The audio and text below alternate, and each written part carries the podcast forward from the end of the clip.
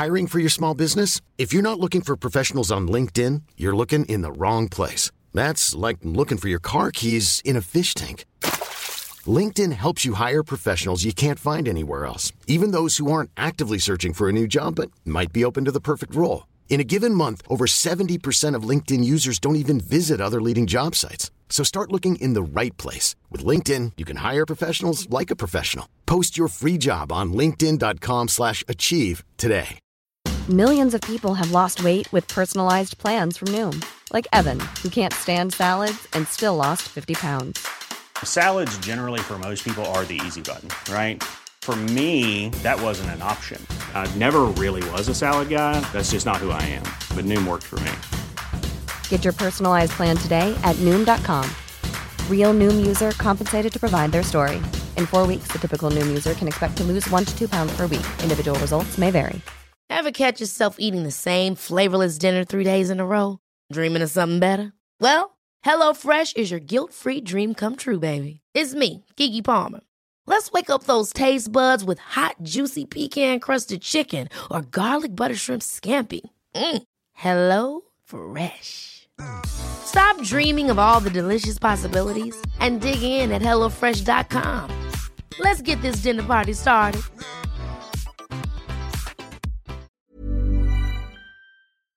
Göteborgs måleri, det är ju fan världsklass alltså. Det är en sån service de erbjuder så det är fan grymt. Göteborgs måleri, det är det som gäller. Ha det gött! Göteborgs måleri, fy fan vilken underbar eh, service målerifirma det är alltså. Ha det gött Glenn, hallå! Ja, vad gött det är att, att, att göra med Göteborgs eh, måleri. Vilken service de erbjuder. Ha det gött Glenn, hallå! Ja, nu är det vår. Ska ni ha något gjort i huset så för fan anlita Göteborgs måleri. De är grymma på sånt. Ha det gött! Ja Glenn, vi har med oss John Scotts Partille Arena i denna veckan också. Ja, det är nog fan den godaste bowlinghallen jag känner till faktiskt. Jag, är, jag slår strike varenda jävla gång. Ja, det är det är grymt. Jag är grym i bowling. I min ålder måste jag säga. Jag är fan bäst. Bäst alltså i Sverige då eller? Ja, i min ålder tror jag. Ja, det är så. Ja, sure, sure, sure. Men vad är det som är mer bra där nere då?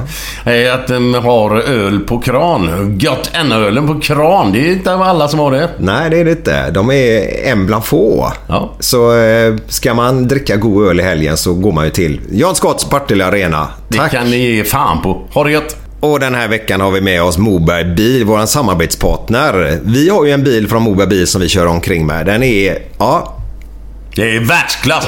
Ja, exakt. Och går du i säljtankar, alltså du ska sälja din bil, så kontaktar du naturligtvis Moberg Bil för de är ju... Världsklass! Och är det så att du ska köpa en ny begagnad bil så är, ska du kontakta Moberg Bil för de är ju... Totalt världsklass. Tack Moberg Bil! Vi är inte sponsrade av Götenölen denna veckan. Eh, men den är ju... Världsklass! Ja, och den finns att beställa på styckvis på Systembolag så man kan få den till sitt lokala systembolag över hela Sverige och det är ju... Det är fan världsklass. Och sen så har vi ju det bästa är att den finns på 25 stycken systembolag eh, runt om i landet. Haparanda tror jag det är högsta och Malmö är nog det lägsta. Alltså jag menar i, i norr och söder nu då. Och det är ju... Det är ju Glenn. Det är fan de har världsklass. Nu är det fredag. Nu är det fredag! Nu är det götterna. götterna. Direkt från Göteborg. Med Micke Månaden och Glenn Hysén. Välkomna! Götterna. Hallå där! Välkomna till Gött podden Idag har vi, jag och Micke här naturligtvis, har vi en, eh, en gäst. Så jag vet inte riktigt hur jag ska kunna... Om jag säger så här. Han är nog den, den stång, stockholmaren som ligger bäst i vad jag tycker rolig, trevlig, jävla god gubbe. Alltså han ligger nära Göteborgshumorn. Och det är ingen mindre än eh, sportchefen i Djurgården, Bosse Andersson! Åh! Tackar. Det är inte ofta man får applåder av göteborgare. Nej, nej, nej. nej. men jag tror det. Jag, i- eh, ja, välkommen säger vi då, men vi är ju uppe hos dig nu då. Ja. Till i, Stockholm. på kansliet eh, Fan, vi Djurgården. tyckte Stockholm var stort. Det var liksom en halvtimme kvar när den kom fram. Ja, vi fick köra runt alltihopa. Men kör man fel, alltså tar man en avfart fel så då är man ju körd. Ja, precis. Ja, så vi körde efter en sån här GPS va? Jajamän, jajamän. vi hade i i näven då. Ja. Och så pratade han med oss och vi sa det, fan vad bra. Så, så vi kom Bra. rätt. Ja, Ja, härligt. Du har ju tid också. Men jag tänkte säga Bosse. Mm. Eh, jag pratar med mycket folk nere i Göteborg. Okej. Eh, bland annat folk som jobbar på Prioritet, Mm. som ni jobbar väldigt nära med. Eh, gamla fotbollsspelare, eh, lite löst folk. Eh, vi har ju Micke, Micke Ljungbergs Mm. minnesfond som du var nere på nu senast va? Yes. Eh, ingen, och då menar jag verkligen ingen, har ett ont ord att säga om dig. Ja, det är man ju tacksam för. Mm. Eh, och lite stolthet eh, om man hör det. Eh, det är ganska svårt att som stockholmare bli populär i Göteborg. Eh, jag tror det finns någon liksom sån där avundsjuka och sådär. Eh, Glenn går ju hem med lite överallt. Oh ja. men, men som stockholmare att bli accepterad i Göteborg, det tror jag det är en utmaning. Eh, men eh, det är jag blir stolt och hedrad av när du säger det. Och det, det är både ärligt och eh, sant då. Eh, vi kommer komma in på prioritet där. Mm. eh, Jonas bland annat då, som du känner väldigt väl va? Ja, känner Ja. Eh, men det är så här. Eh, innan vi börjar, eller vi har ju börjat podden nu då Glenn, men du var ju med om en övergång och där Glenn, Glenn agerade spelaragent kan man kalla det va? Ja, det kan man säga. Kan, kan vi ta den övergången direkt eller? När, Ja, när ni ta. värvade då Tobias Hysén. Ja, Vilket år är vi inne på då? Då är vi inne på 2003 i, i, i, på hösten. Och eh, så var det så att eh, jag hade en liten förkärlek. Jag tyckte Tobias Hysén var jävligt bra. I, han spelade i, i Häcken då. Och eh, sen så spelade de en eh, kvalmatch, jag tror det var mot Sundsvall.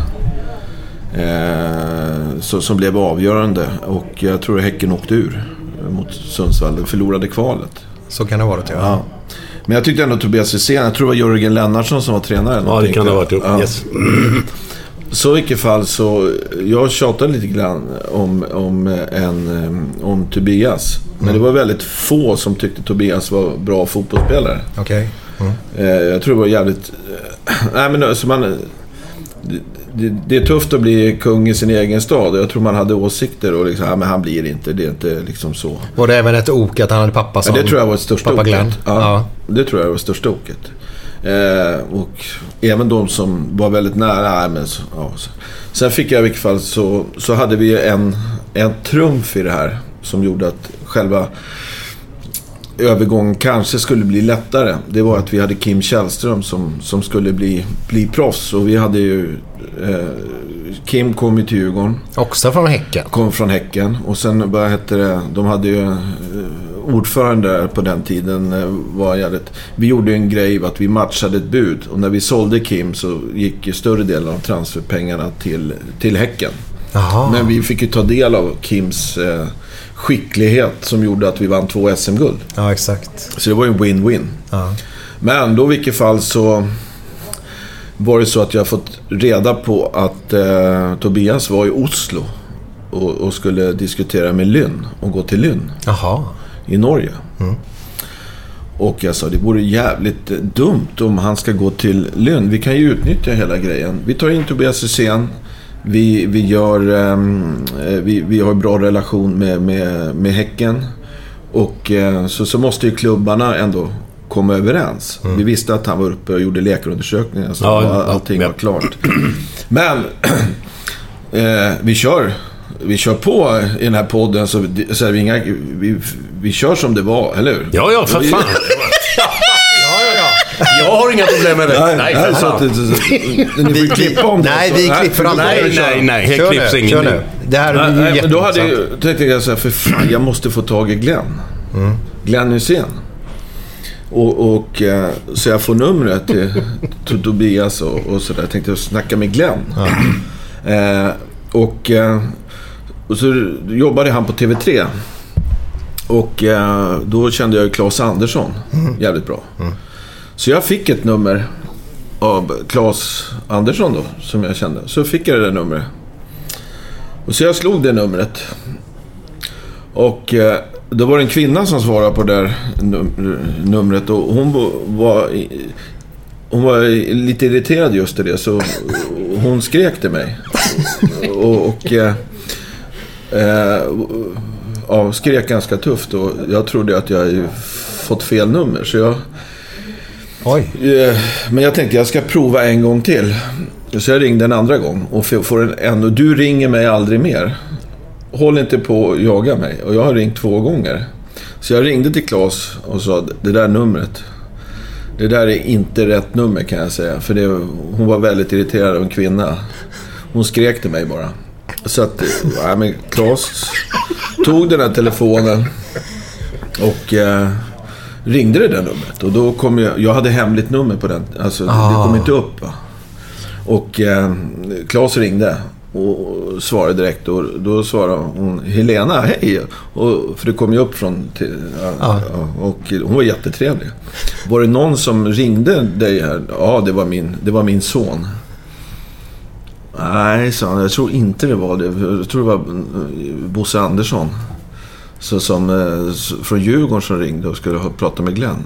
Och då, då ringde jag, så gick det mycket lättare. Så fick jag tag i Glenn och så fick vi tag i Tobias. Som precis var i, uppe i Lynn och kände dåligt samvete att han skulle gå till Lynn.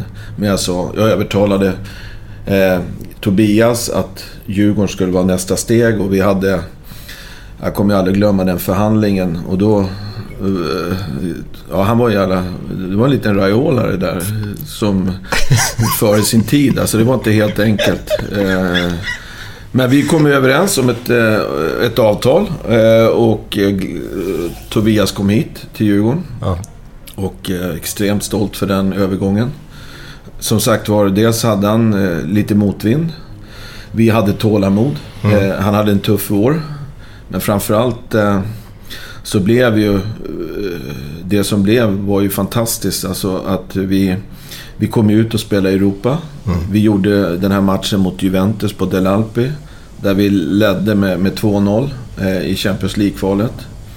Eh, Det blev 2-2 till slut och då var det, det var Hussein som var på tapeten. Jag vet inte hur många klubbar som väcktes till liv och som vi hade kontakt med. Inte bara Tobias, men flera av spelarna. Det var så?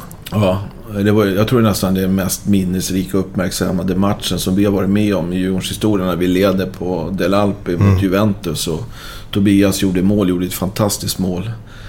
Det gav eko eh, ja, i hela Europa ju. Vad har vi för klubbar då? Nej, men jag kommer ihåg att vi, vi, vi åkte ner sen. Vi fick, fick ju stryk tyvärr returen. Eh, och det var ju nästan en... För hade vi... Juventus gick in i gruppspelet då. Eh, och det här var på onsdagen och Champions League-lottningen var på torsdagen. Och åkte du ut där skulle spela Uefa-cupen, då var lottningen på fredagen. Och så jag var på, eh, på eh, Champions League-lottningen. Vi hade ju bokat för att komma dit. Ja. Och då hade Uefa bokat in oss på, på samma hotell där alla Champions League-lag låg. Ja.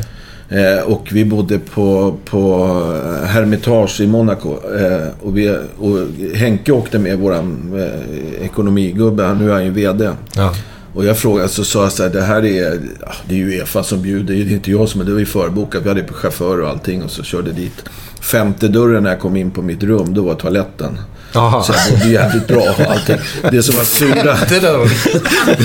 Det sura var när, när Henke sa så här, vi bodde där i två dygn. Och då, då så sa de så här att... Eh, eh, frågade Henke, vem är det som pröjsar? Äh, det här går nog på EFA. Sen när vi skulle checka ut, det gick på 26 000. Men vi bodde jävligt bra, säga. Men vi var jävligt stort och jag kommer ihåg, det var flera klubbar som, som tog kontakt. Och nu, hur tänker du med, med Bland annat så åt jag frukost på med Michel Prudhomme som, som var eh, sportchef i Standard Liège. Eh, på den bi- kommer jag ihåg. Men det var massor av italienska klubbar. Jag tror Parma var en av en sån där som de hade en ganska tuff tid just då. Men Ja. då, där- sattes Tobias Hysén och sen... Jag tror det var jävla viktigt. Eh, han gjorde ju en fantastisk eh, tid i Djurgården. Alltså när vi vinner. Eh, 2005 vi blir svenska mästare eh, i, i Göteborg till exempel. Vi firar på Avenyn mot eh, Eh, vi slog ju, tog ju poängen som behövdes mot Örgryte och sen så vann vi Svenska Cupen på det som pricken över it. Sen gick ju Tobias eh, till, eh, lämnade oss i slutet av augusti i, till, till Sunderland. Ja, och det kommer ju också... Jag ringde Glenn för det, det var någonting som var jävligt skumt. Jag, kommer ihåg, jag vet inte om han kommer ihåg det, men jag... Vi, vi visste att han hade jagat så många klubbar. Ja. Och sen så var det en fax, så jag gick bara från lunchen. Och vi, det var inte så jävla långt kvar till, eh, till, eh, till eh, transferfönstret skulle stänga. Och, och Tobias var lite otålig så här med det. Men så bara hux flux så kom vi tillbaka från lunchen så låg det ett fax i, i faxen eh, på kontoret när vi kom upp. Och så låg Sunderland konkret förfrågan på Tobias Hysén. Oj. Och jag tänkte, okej, och det är ingen som vet någonting. Alltså, då ringde jag, kommer ihåg, jag ringde ju agenten till Raiola. Raiola. Har, har du hört någonting? Ja, då, fan, alltså, ja, jag har inte hört. Alltså, så. Men Sunderland är ju ändå Sunderland. Ja, exakt. de spelade ju andra ligan. Och, och eh, nej, det var ju smärtfritt va. Vi fick eh, jävligt bra betalt för Vad, Tobias. hur mycket fick ni? Jag kommer inte ihåg, men det var nog en 20... Ja, så jag, det, det som var roliga var ju att vi... De låg i sist. De hade fem raka torsk i, i Championship. Ja. Och det var därför de hade lite panik och Ja, köpte okej. Tobias Hysén. Vi fick väl en 20-23 miljoner. Mm. Men det roliga av allt, det var att vi... Om de går upp till Premier League och Tobias har spelat hälften av matcherna skulle vi få 5 miljoner. Och det är 46 matcher i Championship. Och, och då behöver man spela 23 matcher. Och Tobias hade spelat 23 matcher som gjorde att vi fick den där femman. Hade han spelat 22 hade vi fått noll. Ah. Så det var ju tack. Det, hade, Ja. det, det, det kommer jag ihåg. Och det sa ju kaching. Det är ju lite, lite, lite lottovinst ju. Ja, det var en jävla lottovinst. Ja. Så att... Eh, nej, men Tobias är, ligger mig varmt om hjärtat och jag är jävligt stolt att det blev. Men sen också så het som Tobias var. Han var ju hetare än farsan. Alltså 2005 och 2006. Alltså, han var ju... I Stockholm så allt... Han var ju allsvenskans största stjärna. Och det var jävligt... Det var inte många som trodde kan jag säga när han kom till Djurgården. Nej. Vet du vem som var coach för Sunderland? Nej, du får hjälpa mig där. Jag är dålig på det. Tuff jävel. Ja. En riktigt tuff jävel. Som spelar inte i Liverpool, men i den andra skitklubben. United. Ja. Var det han i mitt, innemittan? Yes! Som, eh, Roy Keane. Som hatade lördagsmatcher. Han älskade onsdagsmatcher för det var bättre stämning på. på. Då var det han sa, det var inte massa jävla turister på läktaren då. Så han hatade lördagsmatcher han. Så, eh, Nej, men, det är som är kul Ja. med det här gänget. Alltså, nu har Glenn sitt eh, Göteborgs på 80-talet. Alltså, Mm. det liksom, men det är otroligt kul. Vi, vi ska spela eh, med veteranerna en match i Sunne här i slutet av juli. Ja. Nej, men att alla de här, Johan Arning, Tobias, de är vänner för livet. Kan inte du namndroppa lite folk från den tiden?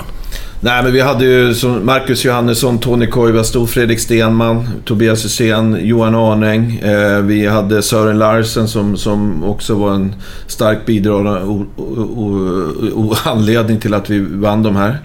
Han kom ju också, en, gjorde ju samma tid, en, eh, året innan egentligen, mitt, han blev från att ha varit skadad ut och spelat en match så, så, så blev han dansk landslagsspelare bara på en vår och vi sålde han till Schalke 04 mitt under säsongen. Oj, ja. Så att, eh, men det var Niklas Rask, Elias Storm, eh, vi hade Padembo Turey i mål. I mål. Dorsin med? eh, Dorsin var, var inte där, han, han lämnade 2003. Isaksson? Isaksson hade lämnat 2004, så vi hade ju Padembo. Och Ja, ja, ja, ja, de var stora, ja. Väl, ja, han var inte bara där. Ja. Nej, inte om han! Vi pratar om... Ja. Ja, han var, mm, det kan jag säga. Ja, ja. Okej. Men vilka, vilka var det som... Livet är lite för mycket information. Vilka, vilka var det som satte bollarna där? Var det Tobbe då bland annat? Men vad var mer Tobbe för gjorde? Sören mycket. Larsson Daniel. Sjölund givetvis. Daniel Sjölund, ja, det var ju också en Ja, så här, yes. eh, som var starkt bidragande till. Mm. Så att vi hade, Andreas Johansson hade lämnat. Han var ju med 2004.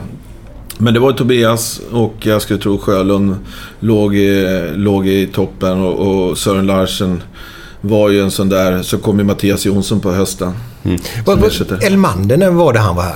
Han kom eh, 2002 i augusti och lämnade i juni 2003. Så att, han var så kort tid, okej. Ja, men han var ju, han var ju starkt bidragande den hösten. Han Ja. kom när vi tog vårt första SM-guld på 36 år. Mm. Och sen så var han eh, med halva säsongen 2003. Mm. Eh, och på den tiden så fick man ju bara eh, 16 medaljer. Så han fick medalj för 2002. Men han fick inte det för 2003 för det var...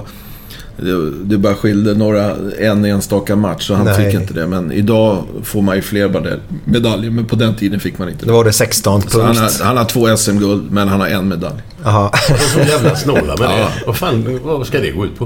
Om de var 20 eller 16 blev alltså... Glenn, Glenn brukar berätta för mig ibland. Fan, vet du vad vi fick när vi vann Uefa-cupen? Typ som en krona eller? Vad Ja, ja, ja, säga. en, en krona. En liten enkrona. Ja, men jag tror jag fick någon bonus av, av eh, Larsson där också. Tror inte det. ja, ja, och Men de det är var, större bonusar idag. fast de var ju under bordet på den tiden. Ja, det är nog möjligt. Nej, inte så menar du? Nej. Att Gunnar Larsson gick under bordet och gjorde Nej, något? nej, inte kunna. Nej, det tror jag Snälla inte. Gunnar. Ja, man var ju inte så snäll sen. Fick vi ju reda på. Det är många som har sågat honom. Men i vilket, vilket fall som helst så eh, var, var Tobias nära 2007? Eller var, vilket år var han kom hem? Nej, han kom... Äh, Ja, du årtal med mig. nej, men det var 2007 han kom till, tillbaks. Var, var han på väg till... Var han nära Djurgården eller? Nej, det var han inte direkt. Utan eh, han, han hade väl en... ja, Han fick... eh, Göteborg var ju ganska starka och satsade. Jag tror de gjorde en, eh, på den tiden en, en av de största eh, köpet för att köpa hem en spelare. Och, eh, eh, vi, var, vi var aldrig med utan det, det kom som en mer eh, blixt från en klarblå himmel. Och det är alltid så när man säljer till Sunderland och får väldigt bra betalt. Och så är det ju svårare för Ja, den exakt. går ifrån. Och, i och för sig så tror jag Göteborg gick in med rätt stor satsning för att få hem Tobias Hysén. Och, och eh, familjemässigt och kärleken till staden be, betydde nog mycket. Och familjen runt sig. Ja. Glenn Jag, jag förstod ju aldrig Gjorde du? varför han... Jo, jag fick ju reda på det till slut varför han flyttade hem. Men en säsong bara liksom, så går du upp. Ja, Och så har du den gubben som coach. Liksom, det finns ju alla förutsättningar Ja, att ja. kunna bli hu- uppe i Premier League. Det är fan sjukt. Jag fattar inte. Ska du hem nu? Men vad var orsaken då? Nej, men han kom ju fram att de trivdes inte. Nej, det var så. Nej, Nej. Det var inga... Det var inga Nej, men jag tror. Det här- måste vara viktigt väl att trivas? Ja, men jag tror det också så här, alltså just den generationen eller den, det laget. Det var så, när du har så här... De brukar uppskatta det när man väl tänker efter och man kommer ut så här. Tänkte, jag, man har sina kompisar runt sig, man går på träning, lagsammanhållning. Det är någonting som är en styrka i de svenska lagen. Och så kommer du ut till, liksom, du har 26 andra proffs och en tränare som inte ens pratar med dig eller, eller något sånt där. Så det är klart, jag tror det blir en krock för många. Jag tror Glenn upplevde det också när han var ute på sina äventyr och att man måste vara jävligt förberedd på det. Eh, en del klarar av det, en del klarar inte av det och man längtar hem liksom. Så enkelt. Så. Mm. Ja. Nej, men där är, ju, där är ju som du säger, där är ju Sverige jävligt starka. Så att man, man känner att fan, vi ska göra någonting ihop. Det är inte individuella Nej, prestationer nej. Men du- Vi ska fan fixa det. Ja, men går det, inte går det inte även i fotbollen lite mer mot det individuella tänket? Även bland spelare som ni eh, signar idag om man säger? Jo, absolut. Det gör det säkert. Och det, det, man brukar ju säga det, varje spelare är sin egna företagare för att kunna liksom ta... Men samtidigt så är du, är du uppväxt med svensk fotboll eh, och spelat sen knattefotbollen så, så, så, så är du en del av en förening. Jag tror har- vi har ett mer kunnande av... Eh, det är mer viktigt för en svensk. Om vi ska ha framgångar i, i vårt lag, då måste vi ha en grym lagsammanhållning och ett... För vi kan inte mäta oss med pengar etc. Jag tror inte Göteborg hade varit lika framgångsrika på 80-talet om de inte hade det här gänget som vi alla älskade med, med sina hyss och lagsammanhållning och den värme som, som, som spreds där. Liksom. Eh, Och det tror jag ligger med. Eller VM 94 som du kan se nu. Så, så, så är det liksom, det, det är det där gänget som måste göra det, kollektivet med, med en jävligt god laganda och teamkänsla. Inte kanske individualisterna. Eh, Men det, så är det ju i, i, i Europa. Eller i- att de största stjärnorna och största ekonomi, ja, det är klart att de blir mest framgångsrika. Ja. Du, du, du känns som att du är väldigt duktig på att hitta dessa spelarna just det kollektiva då. Vad, vad, är, vad är... För det känns som att... Ja, jo, men de har ju här uppe i Stockholm har ju gått om oss i Göteborg. Vi kallades för eh, Sveriges fotbollshuvudstad ett tag. Eh, och det kan vi inte göra längre tyvärr. Eh, för ni har ju gått om oss, jag ska nästan säga med, med stora steg i alla fall. Ja, fan Gais ligger ju i division 1. Division 1. Jag är ju s- eh, går ju sådär, ligger väl sist i Superettan Ja, nu. ja. Ja, vi har Häcken också då som är, ja, leder Allsvenskan just Ja. nu då. Eh, men det känns som att du är väldigt bra på att bygga lag. Eh, och då menar jag kollektivet. Eh, Jonas står på prioritet. Säger att när han kommer hit upp så får han en bra känsla.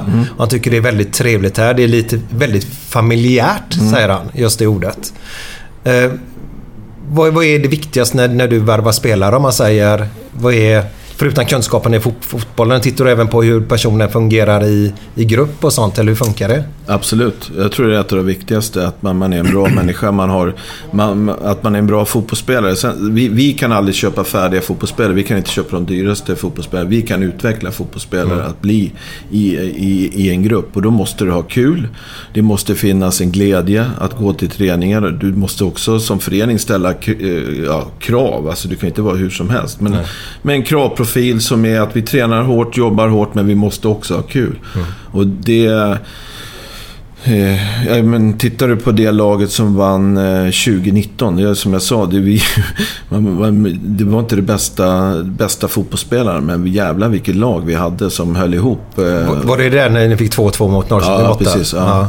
Det, Jävlar, absolut- var nära. Ja, men det var nära. Man trodde ju hela hösten när man gick ut och kollade omklädningsrummet. Ja, fy fan kan vi leda? Alltså, det kommer ju aldrig att hålla. Det var ju det man trodde. Men det är mot, jävligt tacksam att vi, det höll ända in till kaklet och att det gjorde det. Men jag tror det, eh, för mig är det viktigt. Jag är uppfödd i en liten eh, fotbollsklubb där man var med i alla åldrar. Alla känner sig delaktiga och man firade en seger. Och, och man, man tränade hårt för att vinna matchen till helgen. Och sen Ja, firar man det och så var det en ny matchvecka och förberedelse för det. Men det är ju fan så mycket roligare att vinna i fotboll eh, än att förlora. Och så, då får man, eh, får man offra en del för att göra det. Och får in den mentaliteten i en klubb så är det klart att vi ska vara schyssta eh, fotbollsspelare. Vi har en inbjudande miljö med Kaknäs i vardagen där vi har supportrar ute och tittare. Liksom, att man känner en delaktighet. Det tror jag är extremt jävla viktigt.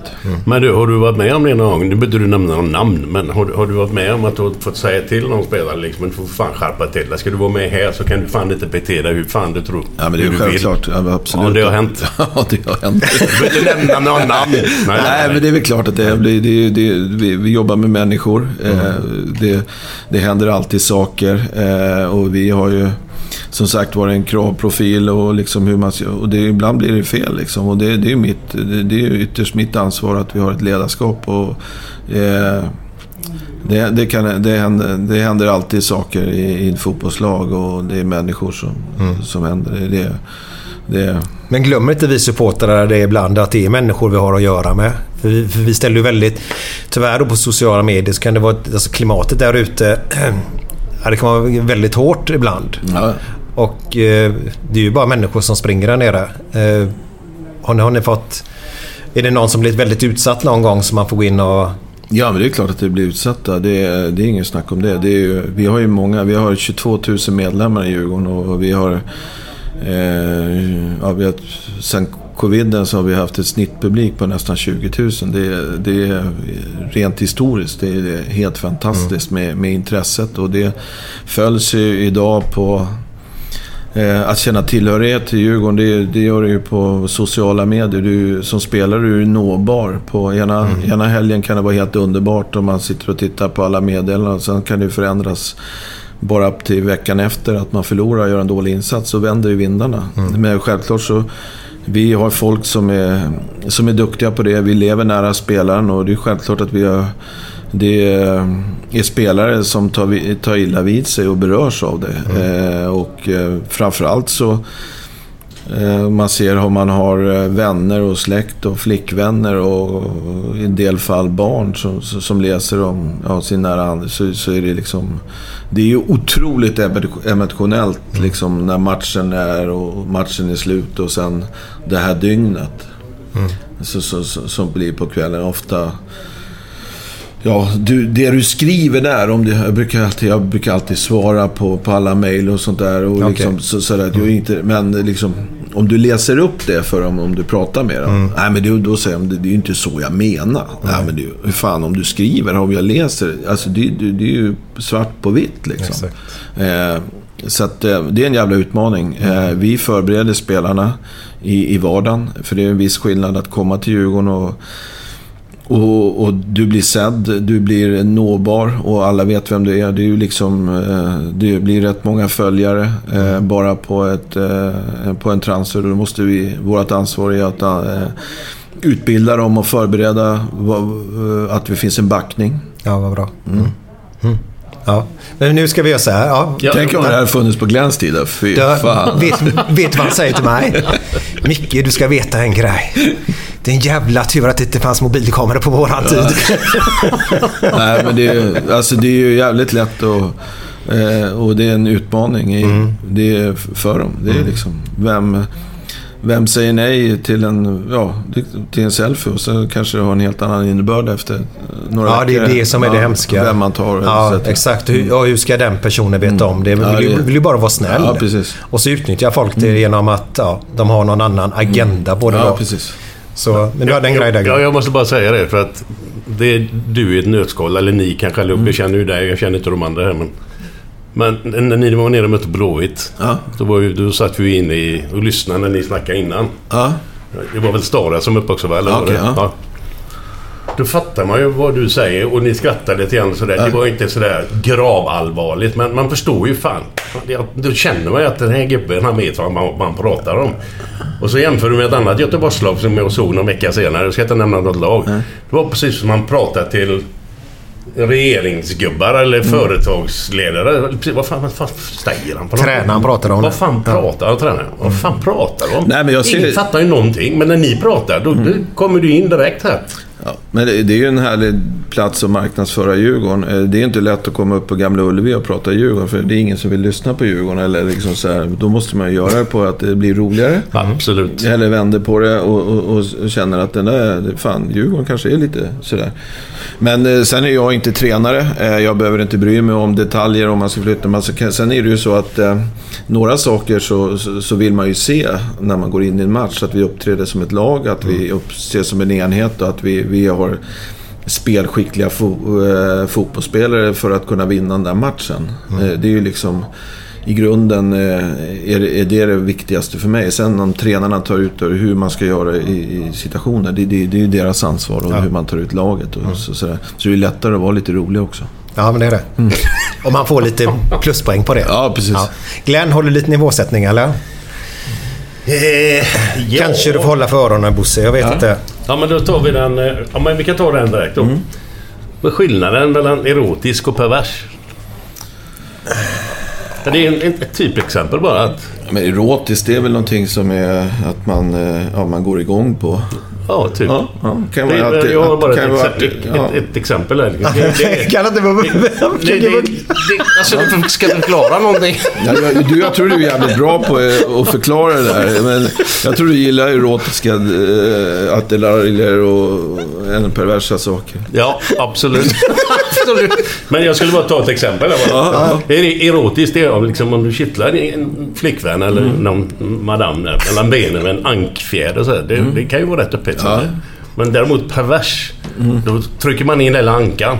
Ja, ja men då tror jag det är härligt med fjäder. Ja, det var din målsättning för det. Ja, men du får ta en till, En för du till. får höja den nivån lite. Den var inte bra. Nej, den var Nej. hört bättre. Till och med Raffe är bättre på det. är riktiga historier. Han är ju avstängd på Twitter ju, stackare. Den här då, den här då. Det var några av de äldre gubbarna på hemmet, på sjukhemmet. De hade tillåtits att kolla på en porrfilm. Och efter tio minuter så går Henning ut från rummet. Försvinner liksom. Och de andra går efter liksom när filmen är slut och letar efter honom. Fan tog vägen. Går de in i rummet där det sitter han och desperat slår fingrarna i bordet så här. Boom, boom, boom. Vad är det? Vad fan gör du för grabbarna? Det är första gången på 20 år som jag har erektion. Och så stelnar mina jävla fingrar. Ja. Ja, det är... Ja, synd om Henning. Ja, stackars Henning. när, när det väl händer. Ja, det har du det. Ja. Men ska vi backa bandet lite grann? Ja. För, för många eh, fotbollssupportrar som växer upp, eller folk överhuvudtaget Mm. som har växt upp nu de senaste ja, 20 åren i alla fall. Mm, eh, Kommer ihåg dig då som klubbchef först och nu sportchef då. Ja. Eh, Men du har ju varit en fantastiskt bra fotbollsspelare också. Fantastiskt vet jag inte, men däremot så hade jag en jävla inställning och eh, var envis på att nå mitt mål. Det, det var jag. Men jag började på en jävligt låg nivå. Jag började i division 7 i ett litet samhälle Bra. som heter Rö. Mm. Där börjar vi nu då. Är det Vad- lilla Bosse, hur gammal är du då? Nej, men jag var 16-17 år och började spela i A-laget. Eh, Vad- vad- hette klubben? Rö hette Var ligger det? Upp mot Norrtälje. Ja. Mest känd för att vi har ett litet samhälle på 500 personer. Vi hade Europaväg E18 gick genom samhället och där hade vi en ICA-butik. Och sen hade vi Björn Waldegård som var eh, världens första rallyvärldsmästare 1979. Bodde han där? Han bodde där. Oj. Så det var ett motormecka egentligen. Björn Waldegård, vi hade flera som var jävligt duktiga i, i, i, i, byn som körde rallycross och etc. Det var egentligen eh, Rö mot Arvika med Eklund, Värmland och Uppland som, som var de. Och det var ju liksom otroligt stort på 70-talet och 80, en bit in i 80-talet. Där var 25-30 tusen som kollade rallycross-tävlingar. Det var jag uppväxt i. i och följde med det där. Så att, eh, det var ett... Eh, ja. Sen hade vi ett fotbollslag och eh, vi hade förmånen att ha en jävligt bra tränare som sa att vi, tränar hårt och så ska vi få ett bra lag. Och så gick vi upp från sjuan till femman. Och det gjorde vi på att vi tränar hårdare än de andra och var lite bättre också. Och därifrån så gjorde jag mål och så började jag klättra i systemet givetvis. Men vi hade jävligt roligt och det är vänner som, som eh, som jag är tacksam som, som jag har kontakt med. Vi var där med Djurgårdens veteranlag förra året när klubben fyllde 90 år och vi drog 500-600 personer. Det var mer än vad som bodde i byn. Så det är ganska eh, roligt att komma tillbaka och ha rötterna kvar liksom. Men du, det blev aldrig, du var aldrig dragen åt det här eh, bilhållet, som man säger så. Du var aldrig nära att köra det istället. Nej, men var jävligt kittlad. Det var ju häftigt att vara med i depån med de här grabbarna. Lasse Nyström och, och, och Björn. Och, och man, man såg hur de testade bilar. Det är klart att det, man blir ganska ja, jävligt intresserad och, och, och få vara med och se de här grabbarna som, som de blev ju både Europamästare och världsmästare och vann. eh, Så att det är liksom samma generation. Det är liksom, det är ganska häftigt i en sån liten by. Snackar vi även Svenska rallyt där då eller? Ja, ja, Björn- tänker i Värmlandsskogarna där Ja, va? precis. Björn Ja. var ju med där och, Ja. och körde och jag tror han vann några gånger. Och, Mm. Men framförallt så vann han ju Safari-rallyt fem gånger och han, det var ju två killar från Rimbo som tog farsans... Farsan hade fix, fixat en folkvagn och åkte ner och körde Monte Carlo-rallyt 67. Så vann han ju det. Nej, Det är ju ganska häftigt. skojar? Och där tog hans karriär fart då. Jaha, vad coolt. Det är coolt. Och så var det han som implanterade Porsche till Sverige som gjorde att det blev populärt. Han fick ju börja köra fabriks... Aha. Eh, Så därför är... Ja, Porsche är ganska populärt i, i Rö i vilket fall. Och eh, Stockholm, det är drömbilen för alla. Ja, men du, men du, du sa Rimbo. Ja, Rimbo, men var det inte någon jävla gubbe som spelade i AIK som kallades han Rimbo? Rimbo Lundblad ja. Ja, var det inte någon gubbe där? Ja, det, eh, Rö har fått fram två allsvenska fotbollsspelare. Det är Åke Bulten Andersson och Bosse Andersson.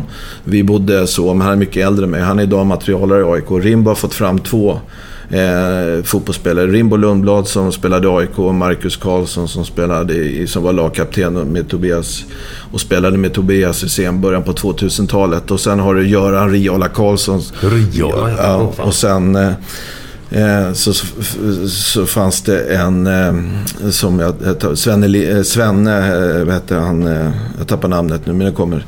Eh, men det är väl några som har kommit fram där som uppe i Uppland, där, min eh, område så att säga. Roslagen om vi säger så, som har kommit fram och blivit allsvenska. Och det var ju förebilder. Ja.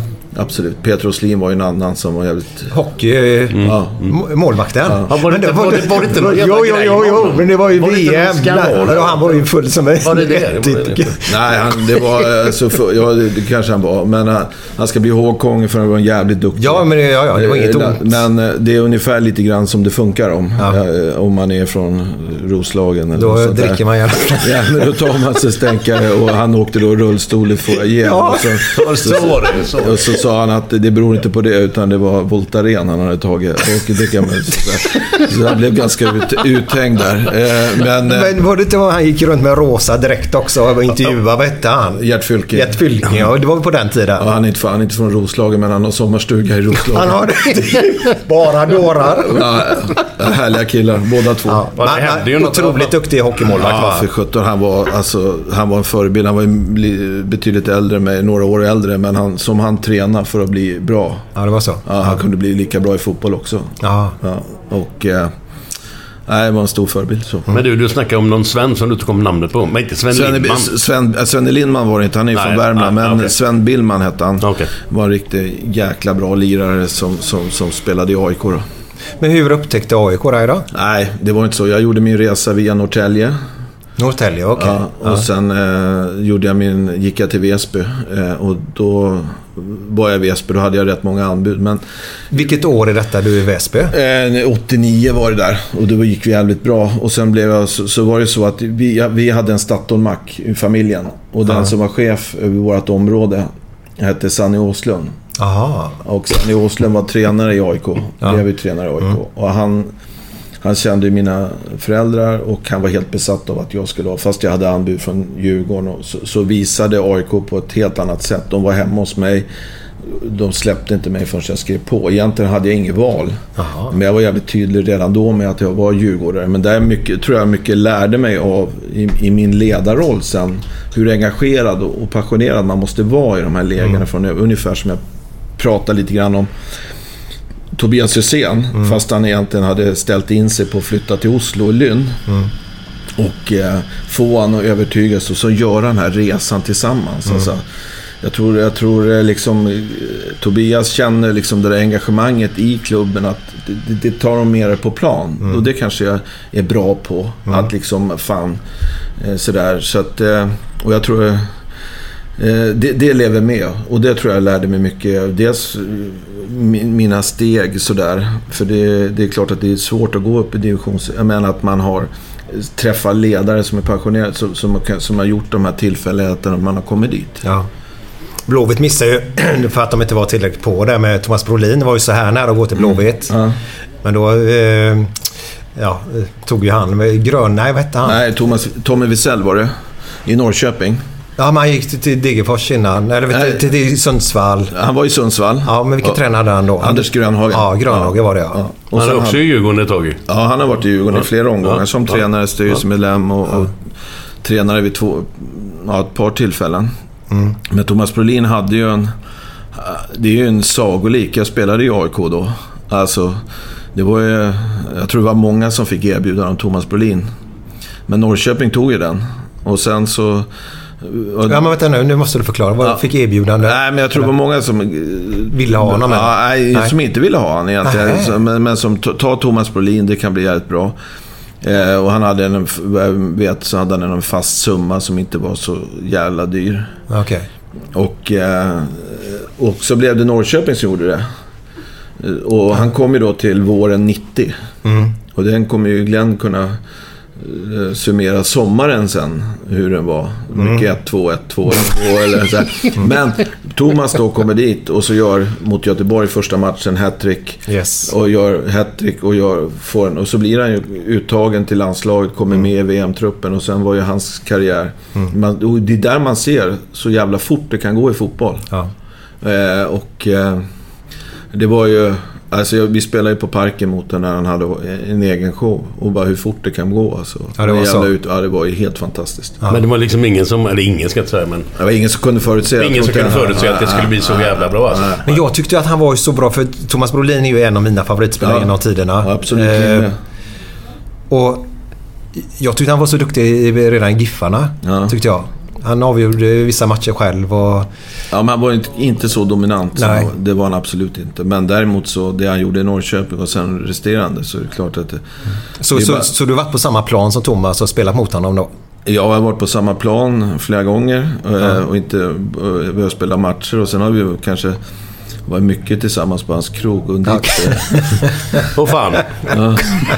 Nej, det är en vän för mig. Ja, det är det? Ja, absolut. Vi, Fantastisk spelare. ja, för mig är det nog, alltså oavsett så, han ligger med jävligt... Vad han gjorde VM 94 med att egentligen driva ett lag och vara Ja. med i världslaget. Och, De hemlöpningar och grejer han gjorde och pusha på hela laget. och fantasin med den Ja. frisparken och den klassen. Och komma in i världslaget, det är imponerande. Och i Parma var han ju Ja. Mm. riktigt bra.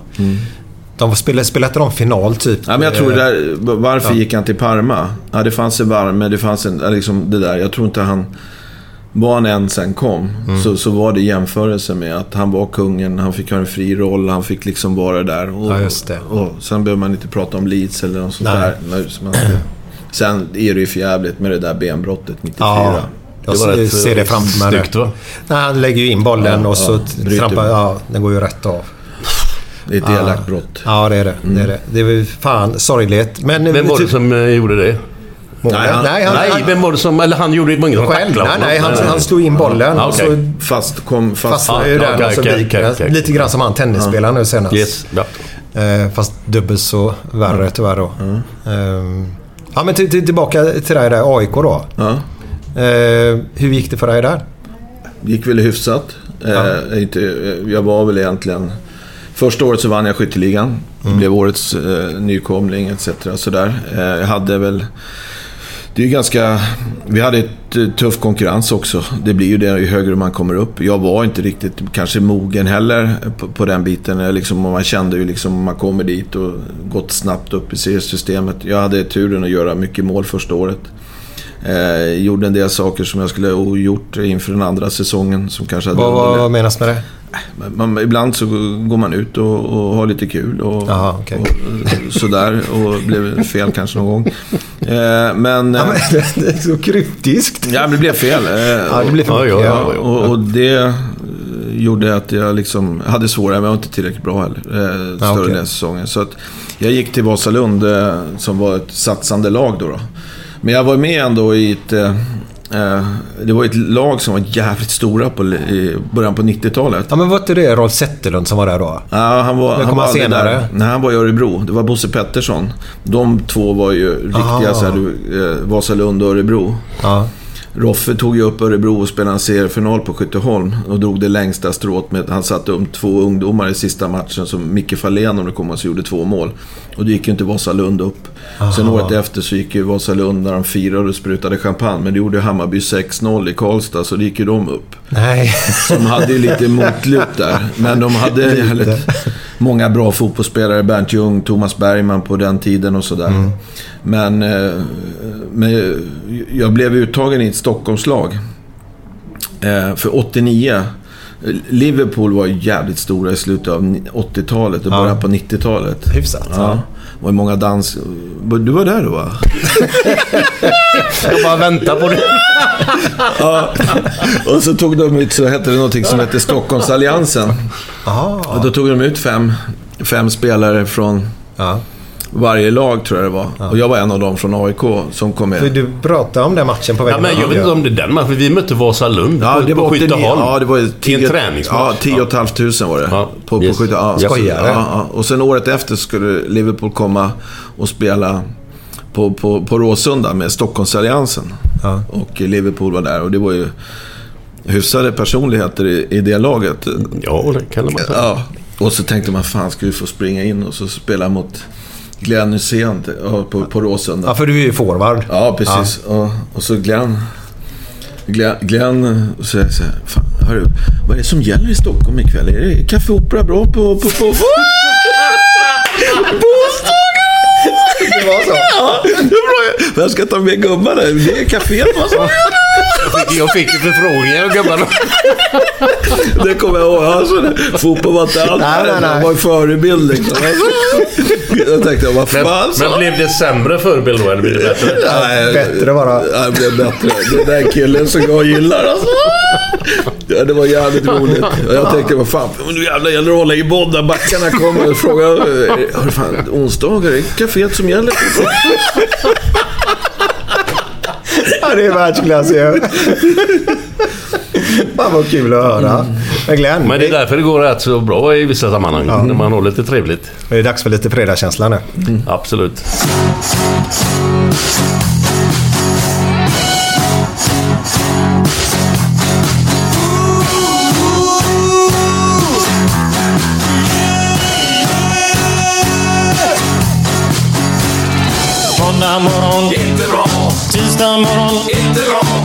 Onsdag morgon, inte bra. torsdag morgon, Det är inte bra, fredag morgon, lite bra. fredag lunch, Mycket bra. fredag eftermiddag. Underbart! After work med karaoke. Man får en öl och pyttipanna. Fredag kväll och livet leker. Man kan inte säga annat än att jag har det gött nu!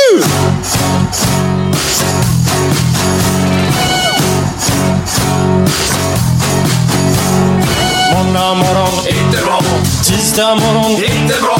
onsdag morgon, Inte bra, torsdag morgon, inte bra. fredag morgon, Lite bra, fredag lunch, mycket bra. fredag eftermiddag. Underbart! After work med karaoke. Man får en öl och pyttipanna. Fredag kväll och livet leker. Man kan inte säga annat än att jag har det gött nu! Ja, där hade vi den underbara låten med Björn Rosenström. After Work. Äntligen, äntligen Yes. igen. Ja. Ja. Det var dags att höra den. här. Den Vet du vilken det är? Du kan den eller? Nej, det- Nej, det är inte din grej. Jag har annan låt här på afterworken nu. Vad är det? Tore Skogman och gänget Nej, eller? nej, vi kan köra Lasse Berghagen en kväll i juni, en dag som denna. Erkänn, den är fin. Ja, det älskar den. Ja. Det, det, det är min låt. Ja, den är Om otrolig. jag ska komma igång. Ja, det är så. Men vad, vad, vad, vad gillar du att eh, dricka? För, säg inte allt nu. Du får gärna... Nej, men jag... Nej, men det är väl olika sammanhang. Ja. Ja, absolut. Eh, måltidsdrycker är gott i mat och sådär i vardagen. Men däremot så om du säger after work eller något, då tar jag gärna en eh, chablis eller en bira med grabbarna. Och sen eh, om det börjar bli sommar så, så tycker jag eh, eh, rosé är bra. Och så kan man blanda in lite chardonnay och lite 7-Up. Det tycker jag är ganska gott. Ja, det är så. Ja. Jag är svag för det. Du, Ja, hur- sen är det så att åker, sen bor jag granne med Uffe Elving också. Gör du det? Ja, på landet sådär. Och Oj. Då, då brukar det bli en del gin och tonic. Och det Ja, är men- inte så jävla mycket tonic i dem där kan jag säga. Det är så, nej. Nej, är, han, han känns som en gin och tonic-gubbe. han älskar gin och tonic kan jag säga. Och det, Vet du vad Glenn har i sina gin? nej. Nej. Ja, det är gräp. Grappo. Grappo? Ja, det är det grappo. gott. Finns det kvar alltså? Ja, Ja. Men det har ju den gamla gräp. Ja, Det heter ju gräp. Ja. Grappo heter den nyare varianten. Det är fan så gött. Det är jävligt gott. Grappo i ginen? Ja, vad ska jag prova? Yes. Jag testar det. Ja. Han var på en krog och hade de inte det så går han ut till butiken jämte och köper. Och så kommer han in så fick han se. Nej, det var nog inte så jävla mycket grappo i den. Den där flaskan räckte längre. Nej. Men, men du, eh, Vänta. nej, men när vi ändå är inne på det. Vänta nu. Ja, förlåt. Nej, fortsätt du. Fortsätt Nej, nej, men när vi ändå är inne nu. Hur är det nu? Alltså allvarligt talat nu, nu ska, ska vi inte snacka dricka så jävla mycket så, men det var ju mycket på den tiden. Men har ni, har ni typ, typ alltså, har, har ni någon kräftskiva ihop med gubbarna och familjer eller sådär? Eller Nej, men- fester på året? Några, ja, när det funkar? Nej, men jag- när jag- inte jag- jag- fotbollen är igång liksom sådär våldsamt. Nej, men vi gör jävligt mycket aktiviteter med, dem, eh, med laget. Mm. Eh, det, det, det kan jag säga utan att sticka ut hakan för mycket så tror jag vi gör de mest aktiviteter. Det kan vara att vi eh, går ut och käkar. Går vi ut och, och eh, har, har vi gjort en bra match på en söndag det finns läge då, då, då bjuder jag gärna på en matbit och eh, några öl till det om det är de som vill. Det, det gör vi. Och det, det gör vi inte varje match men det, vi gör det under, under ett antal gånger per år och sen har vi alltid Ja, är man på läger så ska man ha en liten frikväll och vi har ingen typ av inkärn men de- vet om våra värderingar om, och, och idéklubben och det, det har vi med oss. Eh,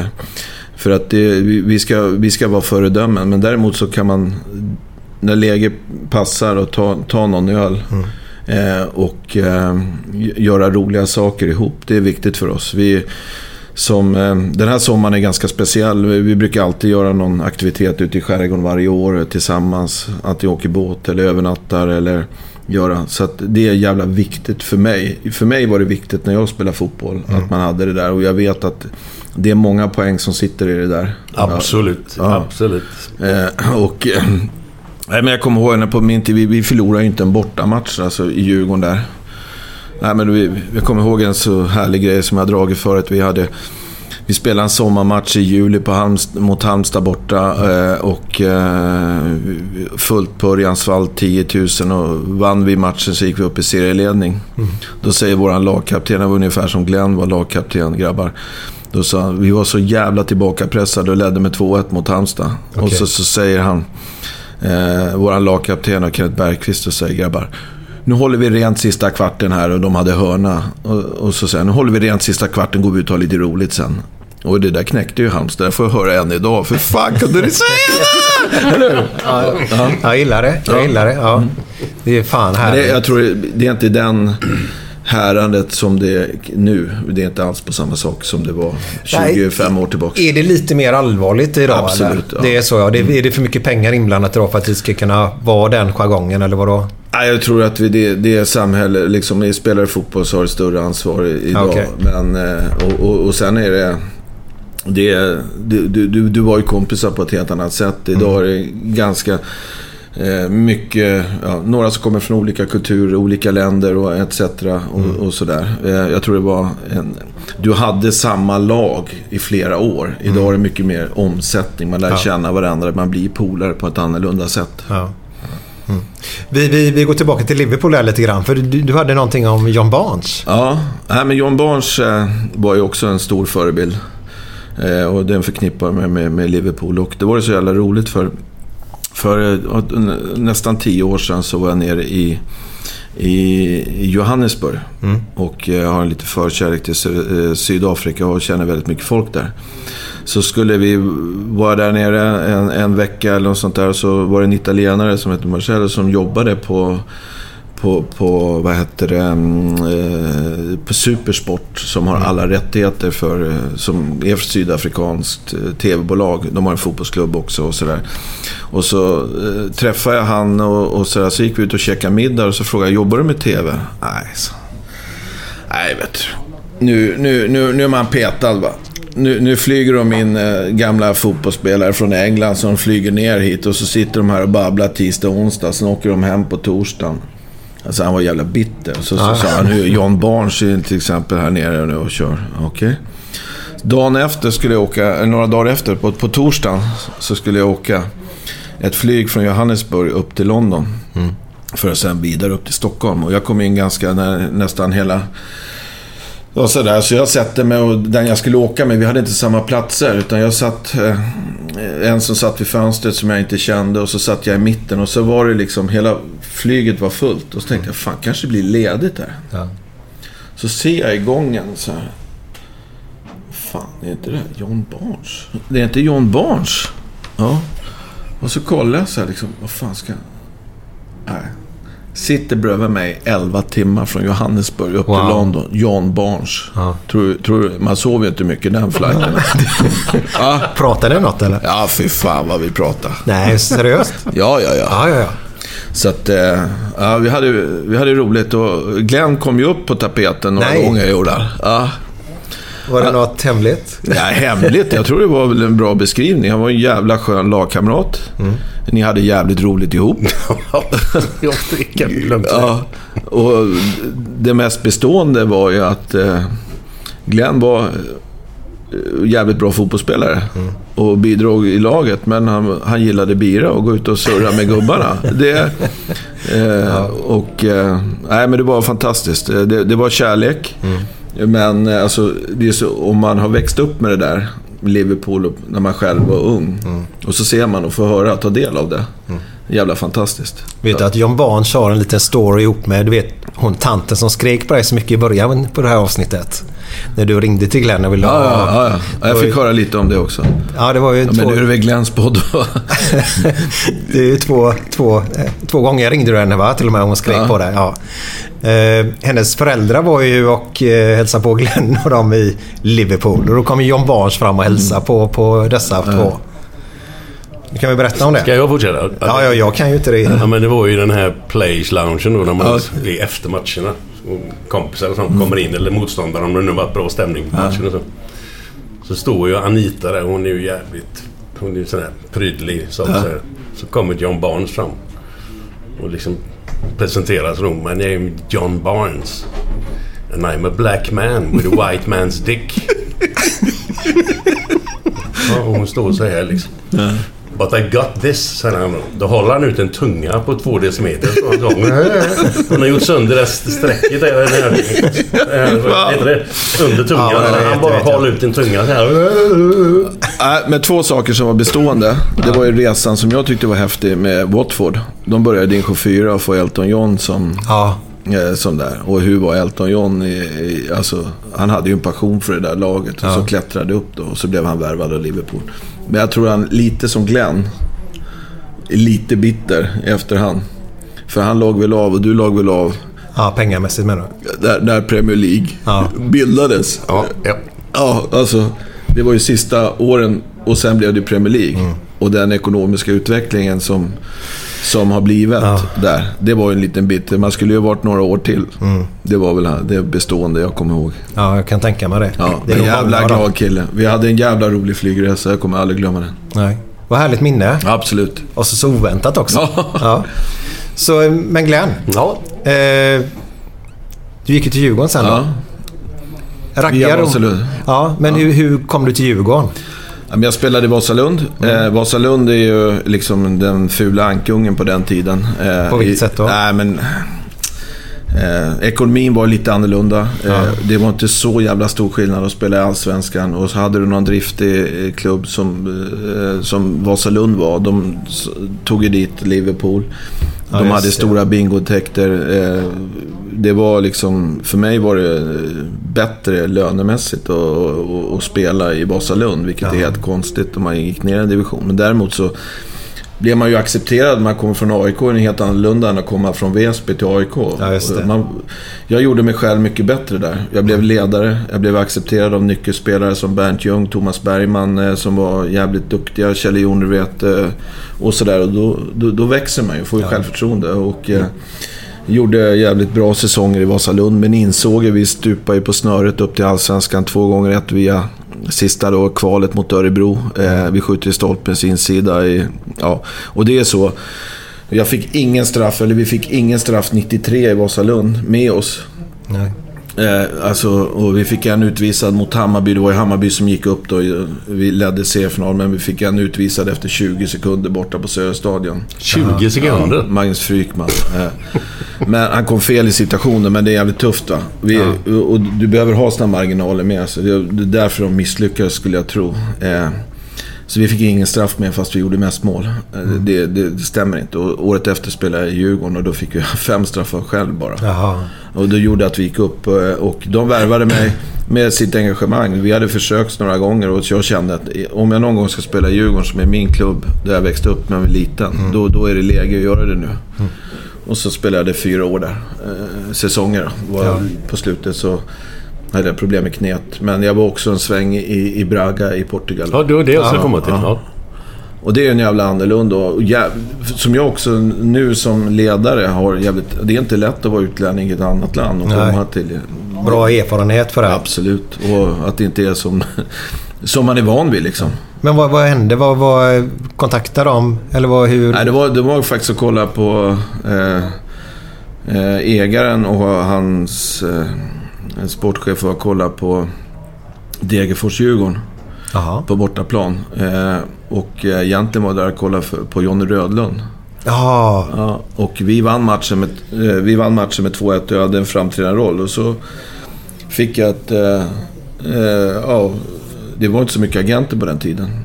Men då fick jag eh, en, en som hörde av sig i samband med den och så fick han ett nummer. Och så, jag var skitnöjd för jag var en av de första som hade mobiltelefon så bara ringde det. och, och så blev det så åkte jag ner dit. Ja. Och det var ju liksom... Jag gjorde mål första matchen mot Benfica. Och efter det så, så, så blev det... Jag, hade, ja, jag blev jävligt omskriven och hade det bra där. Men sen kulturen, alltså många spelare som är deras levebröd liksom. Eh, det blir ju det blir inte samma sammanhållning som man var van vid i Djurgården. Nej. Och framförallt tränare, liksom, man fattar ju ingenting. Alltså, man spelar på bortaplan, då åkte man inte med någon forward eller någonting. Spela, alltså man spelade otroligt defensivt, man var glad om man fick poäng. Bollkallarna försvann innan hemmalaget gjorde mål. Och så det var liksom, man blev jävligt irriterad. Ja. Jag frågade, Jag sa en gång till, vi hade en portugisisk tränare som hette Manuel Cajuda. Jag, jag var liksom van att ha en ledarroll. Att vad fan, hur gör vi på fasta situationer, frisparkar, kan vi ta några kombinationer liksom? Och så tittade han på mig och sa det till tränaren en gång och så sa fan i Sverige vet du, hade vi liksom... Då visste man om bollen skulle komma på första och så två och så rörde och så liksom så här, tittade han på mig och sa så här, och jag tror vi har seglat runt hela världen innan isen gick där du kommer ifrån. Så. Ja. Det är lite svårt att, det är svårt att gå vidare liksom. Ja, det är kört är helt Men du, var det några andra svenskar där nere då? Ja, Johnny Rödlund kom senare då. Och det var ett... Jag menar alltså i, i, i ligan? Ja, det blev det. Ja, det, det blev ju så. Jag var nog, nog först eh, den svensken som var i Portugal. Men sen kom ju Ulf Ottosson eh, tack vare... Mål-Otto, Ja, ja. och sen, han var ju tjafs i en väldigt liten, liten by.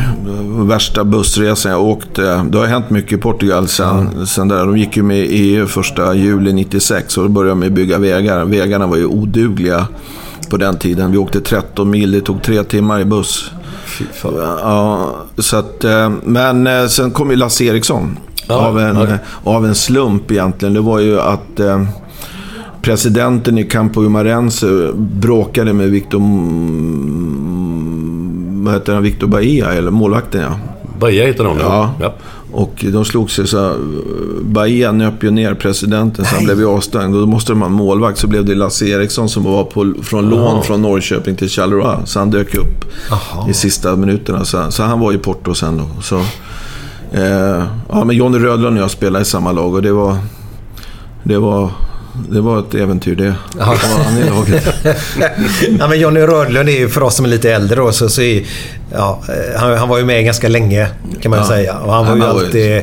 Han fick ju... Det var lite taskigt där. eh, Talang var han ju hela livet. Ja, Då. han, var ju, han, man ska inte glömma att han var 16 bast och Nej. spelade i Manchester United. Exakt. Nu var kanske inte Manchester så stora just det, men det är alltså, han spelade med Jesper Olsson och Brian Robson och, när han var 16 bast. Ja. Och det är klart att det, det kan vara en del utmaningar med det. Ja, det är det. Och då får Det du, var nog får, lite tidigt. Ja. Ja, exakt. Och då får du ju kravet på dig plötsligt att du ska prestera hela tiden och alla klarar inte av det. Så han kom hem och vann ett SM-guld till Norrköping ganska ung. Ja. Var han med 90 där då?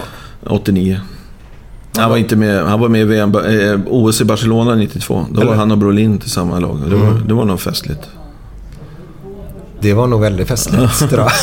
Kommer du ihåg den här turneringen? Vilken turnering sa du? Eh, och 92, Barcelona. Turneringen? Eller vad, vad snackar O- du? OS. Alltså OS? Nej, fan. Nej, nej, inte Nej. Kommer du ihåg mycket därifrån? Nej, men det var ju ganska stort. Det var ju den generationen som, som spelade. Jag var Var det inte någon som hette Patrik någonting? Patrik... Patrik Andersson var någon som hette i Norrköping. Ja, han var ju en artist Ja. som hette duga. Patrik Andersson. Ja, han var med det. Han var ju duktig. Med. Ja, han var otroligt duktig. Ja. Han var ju bohem om man säger så. Jag Ja, det var så. Ja. Han är en fantastisk... Eh, han eh, tackade väl nej på landslag och bara han skulle åka och fiska. Det är väl bara han och Stefan Rehn som har tackat nej för att de ska åka och fiska med morfar tror jag. Men då måste du... Okej. Mor- mo- När morfar kallar då, Ja. då, då Nej, följer man ju med. absolut. Ja. Men har Stefan Rehn tackat nej? Han tackade nej till landslaget. Nej, när var det? Tidigt, men alltså, alltså inte, han var ju, det var väl ungdomslandslagen. Aha, okej. Hans släkt kom ju från Åland. Ja. Och då är man på sommaren på Åland. Okej. jag älskar det. Jag älskar det. och, och morfar, det var jävligt mycket. Det var viktigt för honom. Ja. Så, så, ja, jag är helt säker på att han, han tackade nej för att han skulle åka och fiska med morfar. Vi träffade ju Stefan ganska mycket nere i Göteborg på Ja. paddelbanorna då. Ja. Han jobbade som paddeltränare bland annat. Otroligt härlig människa. Nej, men jag umgås ju med Stefan Rehn Ja. rätt mycket. Och jag gjorde... En, en gång så... Han, Göteborgaren har lite svårt ibland att man ska umgås med stockholmare. Han var ju tränare. Vissa då, säger jag. Ja. Och han kunde inte fatta det där. Nej. Eh, Håkan Mild och, och, och vad heter han? Jonas Olsson var ju tränare. Jonas och Ren var ju tränare. Ja. Och Jonas hade jävligt svårt för hur fan kan du åka umgås med... Åka på midsommar till, till, till Bosse? Nej. men liksom så här. Så Jonas Olsson det? Ja, men då, han tyckte det var svårt det där. Ja. Och sen en midsommar så, så, så, så var Stefan hos mig. Ja. Och eh, så skulle de spela mot Hammarby på måndagen. ja. Och så... Så Stefan var Hey, it's Paige DeSorbo from Giggly Squad. High quality fashion without the price tag. Say hello to Quince. I'm snagging high-end essentials like cozy cashmere sweaters, sleek leather jackets, fine jewelry, and so much more. With Quince being 50 to 80% less than similar brands. And they partner with factories that prioritize safe, ethical, and responsible manufacturing. I love that. Luxury quality within reach. Go to quince.com slash style to get free shipping and 365 day returns on your next order. Quince.com slash style. Hiring for your small business? If you're not looking for professionals on LinkedIn, you're looking in the wrong place. That's like looking for your car keys in a fish tank. LinkedIn helps you hire professionals you can't find anywhere else, even those who aren't actively searching for a new job but might be open to the perfect role. In a given month, over 70% of LinkedIn users don't even visit other leading job sites. So start looking in the right place. With LinkedIn, you can hire professionals like a professional. Post your free job on linkedin.com slash achieve today. Even when we're on a budget, we still deserve nice things. Quince is a place to scoop up stunning high-end goods for 50 to 80% less than similar brands. They have buttery soft cashmere sweaters starting at $50, luxurious Italian leather bags, and so much more. Plus, Quince only works with factories that use safe, ethical, and responsible manufacturing. Get the high-end goods you'll love without the high price tag with Quince. Go to quince.com slash style for free shipping and 365-day returns. Ordentlig och korrekt och det är match som skulle åka ner till Kamratgården och, och då träna på, på, på söndag för att förbereda sig på matchen. Men då tog jag Stefans mobil. Och, och så skickade jag till, till Håkan Mild. Hej Håkan! Hoppas allt är bra i midsommar. Eh, Vi har det fantastiskt här uppe i Stockholm. Men jag tänkte så här, jag kommer nog direkt till matchen mot eh, Hammarby på Söderstadion. Så jag kommer, tänkte om jag bär... Och då, och så fick jag så, då kan du stanna kvar där för gott. Och så sa jag så här till Stefan, jag skickat ett sms till... Nej. Jag bara skojar. Ja, det, det var så här, oh, det, det, kom, det var en härlig grej. Ja, för fan. Och sen då samma, samma år. Så, så, så vi var helt utspelade på, av Göteborg på, på, på Nya Ullevi där. Och eh, alltså det, det, att vi fick eh, poäng, det var helt, ja, det, det var he- helt orättvist. Så då sa jag till Jonas, eh, ja, grattis till poängen. Så. Sa jag till Jonas Olsson i, efter matchen. Han blev galen. Nej! ah, det var härligt. ja, helst efter en förlust. Eller oavgjort när man Man kan äger. inte se han liksom, koppla Nej, men jag tycker han- Han- nej. han- Han är väldigt allvarsam. Ja, han var vinnarskalle, men han är Slappna otroligt härlig av. person. Ja, ja, ja, ja. Absolut. Och driver, driver det på ett bra sätt. Eh, Men det var lite spänning där. Ja, ja, jag kan tänka mig det. Vad gör en sån gubbe idag? Han är kvar Han är ju Göteborg. kvar. Han är Är han kvar i ungdomsansvarig. ungdomsverksamheten? Akademin. Han var ju Ja, sportchef ett tag och han, Ja, det vet sa, jag. det- han sa det är ingenting för mig. För Nej, det tror jag knappast. Men det är, är det ju inte någon som är just nu i Blåvitt sportchef. Nej. Kan, kan man jobba i... Alltså, den här podden är ju på uppstuds och Mm. vi eh, kör högt i tak. Eh, hur, hur länge kan en förening i Allsvenskan jobba utan en sportchef? Det beror på vad man har för organisation. Nu har man ju haft eh, Håkan Mild som har varit sportchef. Jag tror att han är mer fotbollsinriktad klubbdirektör. Okej. Än att han är klubbdirektör och marknadsgubbe.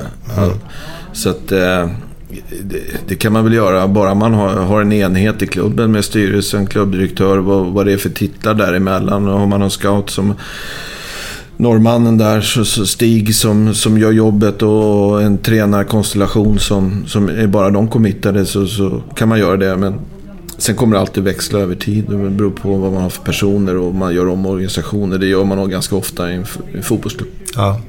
Eh, han Stig du pratade om där. Mm. Är, är det en bra gubbe eller? Ja, det tycker jag. Han är ju väldigt eh, besatt och, och, och eh, hans liv är ju fotboll och är väldigt kunnig och åker runt och ser väldigt mycket fotboll. Så att, eh, han kommer att göra ett bra jobb för Göteborg. Ja.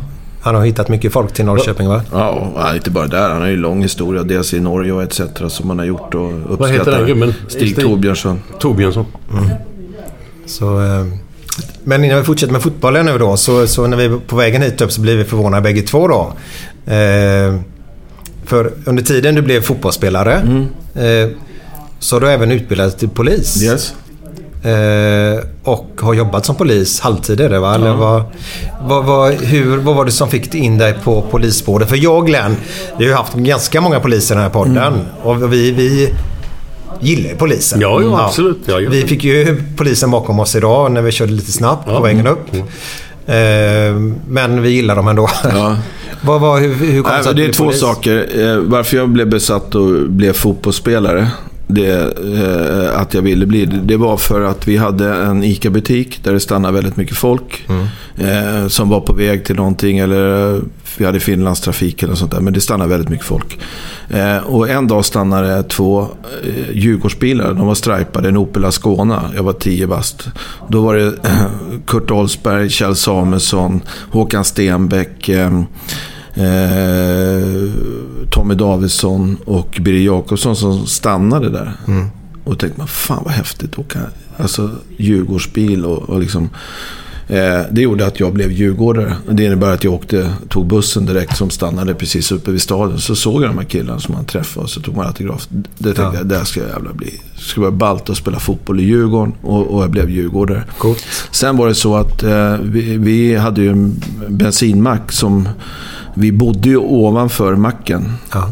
Och eh, polisen tankade på Esso. Vi hade Esso. Det fanns en Esso i Norrtälje och en Esso i, i Rö där vi bodde och en i Rimbo. Och eh, då fanns det ju inte sedelautomat eller kontokortsgrejer. Utan de fick ju planera. Nu jobbar vi ikväll här och då är soppan slut så, så kan du inte tanka. För de stängde ju sju eh, i Norrtälje och Rimbo. Men vi, vi bodde ju ovanpå. Och då hände det ju att eh, polisen kom dit och, och tankade mitt i natten. Och då var det liksom, då sprang man ju bara ner i pyjamas, tryckte igång pumpen och så, så fixade man det där. Och tyckte man ju var jävligt häftigt när man låg och sov och polisen var ute och, och, och sådär. Tänkte man, fan polis skulle det vara. Men jag jobbade där och så spelade fotboll. Sen sökte jag en del utbildningar.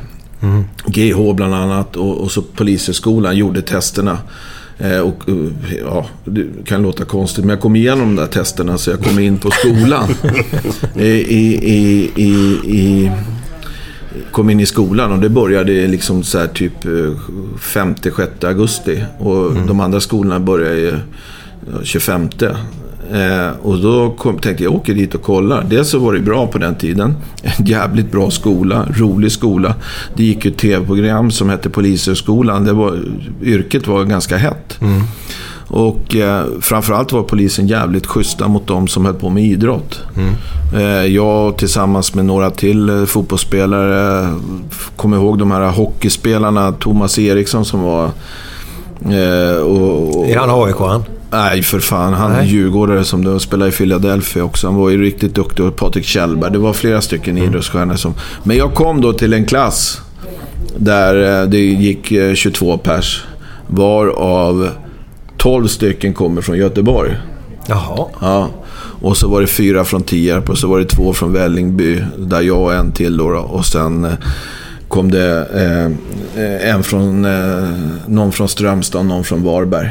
Eh, eh, och i det där blocket så kom jag in till två jävligt härliga göteborgare. Som då har flyttat upp eh, och flyttat upp hit. De var 60, född 61 och 62. Så de var några 7-8 år äldre än mig. Och de två flyttade upp hit. Och de blev jävligt bra vänner. Dan Joelsson som är fortfarande polis och Håkan Bredinge. Och de, eh, de förgyllde mitt liv och tog hand om mig. Eh, jag kunde bo hos dem för jag bodde i Norrtälje fortfarande då. Och, eh, ja, de gjorde så att jag klarade examen, alltså med prov och grejer och sådär. Men det, det var en otroligt jävla rolig skola att gå.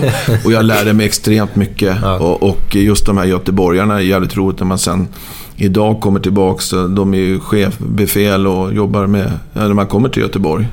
Det, så att, eh, men sen så var ju inte jag riktigt den där polisen som, eh, som kanske som man kan, ja, om man sätter upp några kriterier på det. Men jag tyckte det var en jävla rolig utbildning och framförallt jävligt roligt att jobba. Sen började man nedmontera det där och man gjorde upp det sådär. Då blev det inte så. Det var som ett fotbollslag att komma till egentligen. Eh, På kvällarna och roligt. Och jag, de var jävligt tillmötesgående med mig. Men däremot så kunde jag till slut inte när jag började som klubbdirektör att kombinera det där. Liksom, det kunde inte gå att värva fotbollsspelare när man var inne i ett ingripande. Liksom. Nej, det är lite tufft.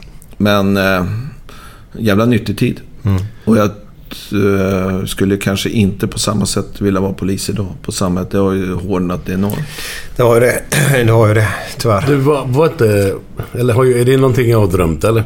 Var inte Peter Gerhard som polis? Ja. och, och högerbacken som spelar i Hammarby Peppe också. Holmberg. Peppe Holmberg Ja. Mm. var också polis va? Ja. Och sen var ju, vad heter det, Denneby polis också. Denneby, ja. Fan. Ja, ja, ja, ja. Så att, eh, ja, det är väl ingen av dem som, ingen av oss som är polis idag. Det är tur det kanske. Ja, det kanske är det. Men jag var jävligt nöjd. Ni vet vem Mats Härd är? Mats här, ja, skribenten. Ja, Han var jävligt dryg. Eh, liksom så här, man hade respekt. Han jobbade på Svenska Dagbladet innan han flyttade ner där. Och eh, vi skulle spela ett derby. Eh, jag spelade i Djurgården och sen Anders Hjelm var mittback i AIK. Han var brandman. Så Mats här tog kontakt med mig och han bodde ute i Hässelby. Eh, och eh, så sa han, "Ah, vi tänkte göra en case på dig eh, och inför derbyt här. Att vi följer med Anders Hjelm en dag som brandman och en dag som polis. Så tänkte jag. Och då måste jag ju se till att jag är för fan ute i vilket fall. Så jag tyckte om att sitta i reception och sådär. Ha det gött. Ja, så, ja men bra. Så, så jag frågade så här. Vi hade en vak, eh, liksom, yttre befäl och så sa. Jonas, eh, Jonas Palme han, sa "Hörru, vi ska ha ett besök med här. Och eh, eh, ja, men okej, han får åka med oss och, och sådär, följa med. Så skulle vi hämta honom klockan 12 nere i Backlura i Hässelby. Och så Mats här då har tagit morgonfika och så hoppar in i bilen. Och precis när vi satt oss i bilen så får vi om ett larm eh, där det var skottlossning i Akalla, i ett hyreshus. Där de hade larmat in, alltså det var ju en gammal, det var ju liksom innan mobiltelefonen. Så där de har larmat, ringt SOS och säger att han är skjuten. Så hör man ytterligare skott och så är det tyst i luren. Så det liksom hade ju alla fakta på att, ja, det här är inte någon skojgrej. Va? Så vi åkte dit. Och Mats här, han blev jävligt tagen om det här. Bara liksom från kaffeidyllen i där och så bara sätta sig i polisbilen och så några kilometer längre bort så är det skottlossning och, och det är döda. Och... Eh, eh, och så liksom, han bara, ska, ska man lägga ut det? Vad ska man göra? Så håll näbben, nu sitter där bak och bara följ med här. Alltså. Och så, så, det mest roliga av allt, det var att enda ingripande jag har varit på, liksom på mord, det var när Mats Härd med. Och jag stod med draget vapen, båtmössa och så kikade in lite i kameran så här. Mord, en del av vardagen. Jag var kung. Jag var kung. På, på, alltså, Har du kvar det utklippet, Nej, de satte upp det i personalrummet och då, då blev det också så här, nu skulle det varit digitalt liksom. Men Ja. det blev också sådana här kommentarer. Han har ju för fan aldrig sett en död människa i personalrummet. Så. Men det roliga var att Mats Härd, från det, han bjöd in mig på min 40, sin 40-årsfest. Liksom. Det var ju jävla härligt. Just, Det var ett starkt minne för han tror jag. Och sen blev det ju bättre, för jag fick plötsligt börja få poäng i svensk. För då fick man 3, 2, 1 i Svenska Dagbladet. Jag hade aldrig fått ett poäng någon gång. Då fick nu- man en tvåa, Ja, ja. Ja, det, är- det är lite som i bastuklubben. Alltså inte menar bastuklubben på det sättet. Hur menar du nu? Nej, men typ Göteborg är ju känt för muter bara idag. Ja. Ja. Så det är bra att känna folk. Ja, ja visst. Ja, så...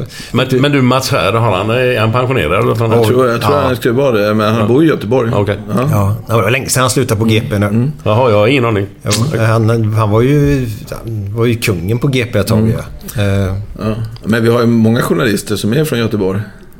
Micke Wagner är ju en sån där som är... Wagner, den lille ja. Ja, Nej, han hade ju en rolig historia som... som ja, eh, när han ringer då måste man vara på hugget alltså. För han, är, han är på hugget. ja, men berätta. Ja, ska vi göra det? Där? Ja, ja, det är alltid något. Ja, nej, men det var så. eh, Säsongen 2004 så hade vi Padembo. Vi hade ju sålt Isaksson.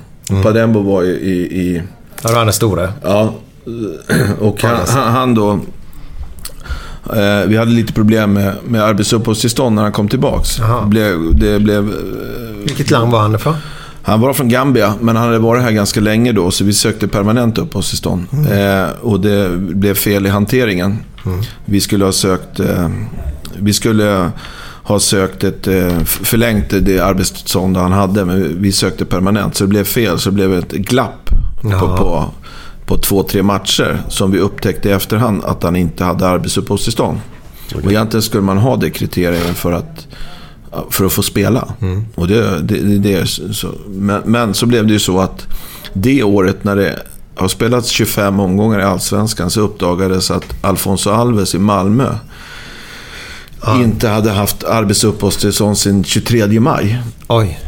Och, eh, eh, och då inför sista omgången så Wagner och Aftonbladet slog på stenhårt. Nu jävlar ska, du se, ska serien ritas om och sådär. Ja.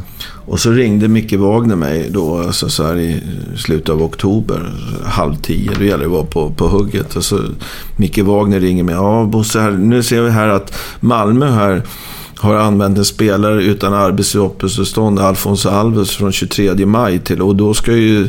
Hur ställer ni er till det? det hela, de ska ju inte ha de poängen sen dess där han har medverkat. Ja, så ja. Och vi, låg vi kom fyra det året. Hade, hade, då hade vi kunnat klättra och vi kunde varit med och slagits om guldet. Då, så, ja, då sa jag så här.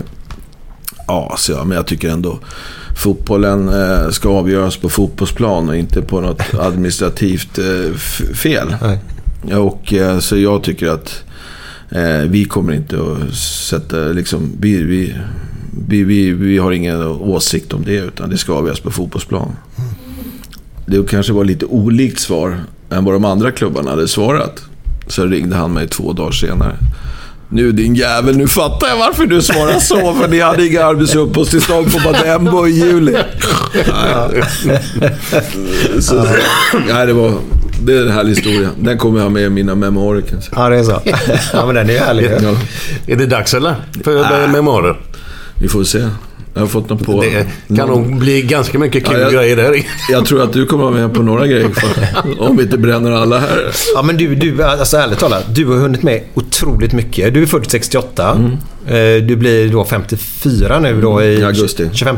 26. 26, var nära. Ja, Dr. Alban blir eh, sex- 65. Blir han 65 då? Samma då. Dr. Alban. Han och Brolin har ju gjort en låt ihop ju. Och Björn Borg och vem var det med? Jo, det var ju. Mattias- Mattias Mattias, ja. Frisk, ja. ja. Kommer du ihåg den? Absolut. Kan du nynna på den? För jag kommer inte ihåg den just nu. Alla vi var det fall den hette. Jag kommer inte ihåg. Alla vi. Ja, de sp- hoppar ju runt. Jag satt i limousin och så. Lamo- ja, Okej, ja. Det var Vem väldigt- är den här frisk? Vem är det? Mattias Frisk. Vi träffade honom när vi gjorde med Gio. Ja, det är en härlig Mattias. kille. Ja, är ju Det är ingen, det är superhärlig. ingen sportklubb eller? Nej, men det är en härlig kille som, som är... Han sköter Gio och Ja. hjälper lite som agent. Men sen framförallt har han en båt Molly. där. Molly, MS Molly som är i Stockholm här. Som går runt. Du kan vara... Ja, du, om du är på Instagram så kan du nog följa Brolin och Dr. Alban så är det mycket bilder därifrån på sommarhalvåret. Ja, därifrån han ringer då varje gång Gio. Ja, Ja, det kan det vara. ringer han dig också? Ja, men bara på nätterna. Ja, ja. Aldrig på dagen. Ja, ja, han ringer alltid. Det, det, han ringer mig också kan jag säga. Vi, jag och Glenn var ju här uppe och kollade på en match. Vi hade gjort eh, lite poddar. Eh, och då var det Hammarby vann hemma mot Örebro tar med 5-1. Eh, och när jag är på väg ut så, så stöter jag på Gio. Och då ropar jag på Glenn. För Glenn, du var ju lite framför mig då. Och så kommer vi upp igen och så träffslogs våra påsar ihop där. Och vi festade på ganska bra den natten kan vi säga. Men då, då hamnade vi på något ställe eh, där. Det var en bar i mitten, en ganska stor öppning. stod ett pingisbord. Vi är, vi är någonstans vid Tele2 någonstans nu. Ja, ja, men det, det är under där. På, på, det är på O'Learys. Ja, men det var inga andra bord där. Det var helt öppet. Nej, men det, det, okej. det är på O'Learys har ju jättemycket aktivitetsgrejer där. Bowlingbanor och etc. Ja, jag kommer inte ihåg. Skitsamma. vi var där inne i alla vad du fall och drack och det. Och då slutade det med att Gio spelar pingis mot Glenn. Och då har Gio sin mobiltelefon att spela med. Och Gio krossar ju Du det. var ju bra i pingis. Nej, fan, Strömberg var bra. Ja, Strömberg var bra. Strömberg. Ja, för min brorsa är lika gammal som-. Han Ja, okej. Ehm, eh, Min brorsa spelade mot Glenn. Ja. Han var jävla duktig i pingis. Ja. För Glenn Strömberg är riktigt bra. I, han mötte ju de braiga i pingis på den tiden. Ja, de här... Lasse Franklin var den som var bäst på den tiden. Oj! Tickan, var det inte Tickan i gänget där som var med? Jag tycker han kan vara Tror ja. Tror jag. Ja, jag vet fan. Tickan. Tickan ja. Karlsson. Ja, ja, ja, jag är med. Var inte de mycket äldre? Vet inte. Ja, det Lite. Men Lasse Franklin är 59 och jätteduktig från Söderhamn i pingis. Han var den som var ledande. Sen Ja. var min, men min brorsa mötte Strömberg också. Okej, ja. Eh, på tal om... Vart, vart, vart var vi än innan? Gio. Gio, det var på en krog. Ja, Krog Molly. Ja. Molly var det Nej, ja. Vem Molly- Mattias var. Ja, men- Molly eller båten Du, du snackar ju om bordet och baren. Det, Ja. Molly är en båt. Så Ja, det vet jag. Det vet jag. Men vad vi var innan alltså. Då var vi inne på, på Dr. Alban Ja, var det. Som ja. fyllde samma dag som dig. fyller samma dag, 65. fast han är 11 år äldre än mig. Mm. Så vi brukar alltid firas. Ja. Nu måste jag backa bandet. Varför Ja. var vi inne på din födelsedag? Jo, det var hur gammal 50 du var. 54 du, blev du har hunnit med så mycket i din karriär. Det var det jag skulle komma till. Okej. Du, du slutade ju ganska tidigt som fotbollsspelare. Runt 30 eller? Och sen så var du med i styrelsen ett år och sen blev du klubbchef. Ja. Nej, men jag, jag låg av med att spela fotboll och vi hade en ny start. Det kom in lite nya människor som, som följde klubben eh, 97, mitt sista år som fotbollsspelare. Jag var väl, liksom, som jag sa tidigare, jag var väl en ledare naturligt och hade lite del åsikter och det växte fram ett förtroende. Jag var ute på och, och åkte jorden runt för jag visste att min karriär var slut eh, och tänkte jag ska fan ut och åka ett tag. Så jag var i Australien, USA, och, eller var jag i USA just vid det. Då fick jag en fråga, jag vaknade. Det är en viss tidsskillnad mellan Stockholm och, och eh, San Diego. Mm. Och som du ringer liksom vid lunch, då är det, klockan är ju halv tre var den på natten. Så ringer det på min jävla eh, hotelltelefon. Alltså, och man fattar ju ingenting. Och så, så, så frågar eh, Bosse Lundqvist då, som skulle bli ordförande och frågar sig. Skulle inte du vilja vara med i styrelsen och, och kunna vara lite operativ här ett tag? Ja, ja visst.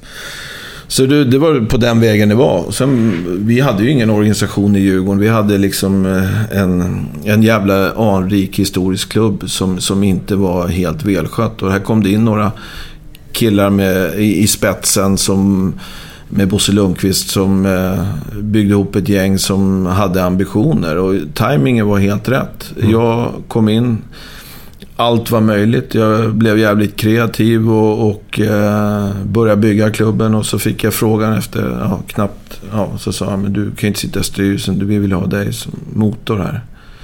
Eh, Och då var det lite svårare att kombinera med fotboll. Det känns så jävla osäkert att bara gå in i en fotbollsklubb. Eh, sådär som låg i division 1. Eh, och hade en tynande tillvaro.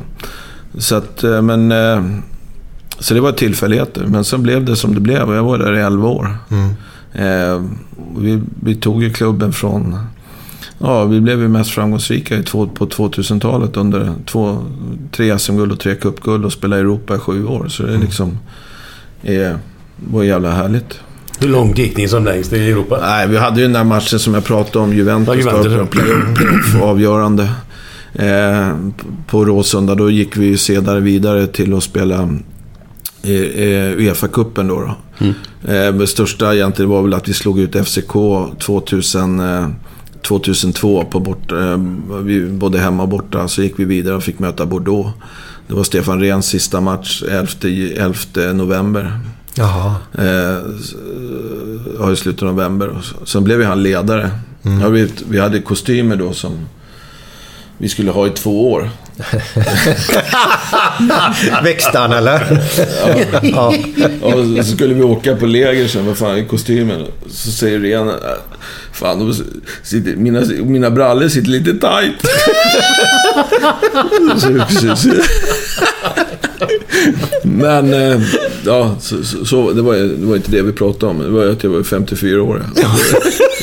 Kommer lätt in på Ja, sidor. ja. Men den är rolig. Bara, bara Stefan Rehn, hur duktig fotbollsspelare var han? Fantastisk. Ja. Fy fan vilket spelsinne. Eh, och, och den biten alltså. eh, och du kan ju se det. Ja, du, du ser ju paddel. Hur jävla duktig han är att läsa. Alltså, han, står, eh, han, han står rätt hela tiden. Där Hela bak. tiden, ja. och, och så även på fotbollsplan. Eh, han... Eh, nej, du, du var väl i England när han var i Everton? Ja, tyvärr skulle jag komma till det. Tyvärr så var han ju där så jävla kort tid. Mm. Vi lärde ju bara... Vi träffades ett par gånger, sen var han ju på väg hem igen. Han fick ju inte spela. Nej, men han, hade du shorts eller långbrallor på när du kom på träning i, i Liverpool? Eller? När man tränar? Ja. Kortbyxor? Ja, Ren hade ju långbrallor. Jaha, var det därför Ja, blev han inte accepterad då? Nej, han gillar ju mjukislångbrallor. Det gör han än idag. Ja, det gör han än idag. Ja, nej, fantastisk fotbollsspelare. Ja, för sjutton. Det Ja, eh, vilket han- spelgeni. Vad mycket han har gjort för IFK Göteborg Mm. i Europa. Det är det... eh, Ja, de, de matcherna där i, i början på 90-talet är fantastiska. Mm. Gruppspelare och slår ut Manchester United och alla storheter. Man tror inte... Det brukar ju gå i repris ibland. Mm. Det är helt fantastiskt. Ja, ja. Och det är just... eh, Folk trodde att han var en bollvinnare, men han var en otrolig bollvinnare också. Ja, ja, absolut. Alla tror bara att han spelade fram och det, men det gjorde han inte. Han var en otrolig bollvinnare. Så eh, ja, det har vi en god gubbe. verkligen. som har valt att bosätta sig i Göteborg då. Ja, från Sumpan till eh, Göteborg. Ja, det, det också Han trivs bra där. Mycket bra. Men han är ju så älskad där nere också, Ja. av alla. Eh, ja, vi var inne på din karriär, ja. Du fyllde år. Eh, att du har hunnit med mycket. Men vad var... Ni låg ju alltså i division 1 när du eh, kom När in. började. Ja. Ja. Vad var... Om nu efteråt, om man ser det så här. Var det, för jag har ju hävdat den här podden ibland att det var ett par år sedan nu tror jag. Två eller tre, tre år sedan kanske. Att det kanske vore bra om Blåvitt åkte ner i Superettan sa jag då. Men då, då får man ju alltid skit för det. För, för ser man tillbaka så var både ni och Malmö har varit nere i ettan också ganska nyligen. Eh, och gjort en liten omstart. Eh, Hammarby var ju nere också. Eh, istället för att bli tolva varje år, typ då, sa jag. Så, så kan man få in en vinnarkultur och börja bygga om från början då. Eh, det har jag hävdat, men eh, jag får ju skit på det varje gång då. Jag ska inte säga det idag igen då. Men kände ni där när ni byggde Super, eller det var division 1 på den tiden va? Ja. När ni vann den och alltihopa, fick ni med lite energi upp då? Eller? Nej, men vi, vi, vi hade så... Eh, vi hade ju liksom så mycket vi kunde göra i den här klubben. Eh, allt från eh, säg, medlemmar eller biljetter eller liksom tillhörighet. Eller, vi var tvungna att skapa ett förtroende för klubben. Alltså, Vi hade... Under 90-talet så hade det varit hiss upp och ner. Det hade varit incidenter med, jag kommer ihåg Anders Frisken, göteborgare, som just blev nersparkad. Trovärdigheten var sisådär. Och, och eh, då är det klart att har du inte någon bra trovärdighet då har du, inga, har du ingen ekonomi heller. Eh, och det blev... Det var ingen ordning och reda. Eh, men vi, tids nog så fick vi tid att bygga upp det eh, och, och få in människor som, som hade jävla drivkraft men kanske har lagt det på fel håll. Eh, som kom in i klubben och fick också se svårigheten att vara i en klubb men också ta det ansvaret. Sen blev det så att vi, vi åkte ur Allsvenskan, vi gick upp 98 och så gick vi upp, eh, åkte vi ur 99. Vi var inte helt mogna som klubb. Men däremot så blev det ju så att det var ju första gången de slog ihop Superettan. Ja, just det. Eh, 2000. Det var ju också ett EM-år i Belgien och Holland. Det blev lite vakuum och Superettan spelade under hela året. Och då gjorde vi några saker som, som, som jag tror skilde oss eh, från att vi var ganska redo när vi gick ner. Dels var det 11 av 16 lag hade spelat allsvensk fotboll i Superettan. Malmö var ju en sån där.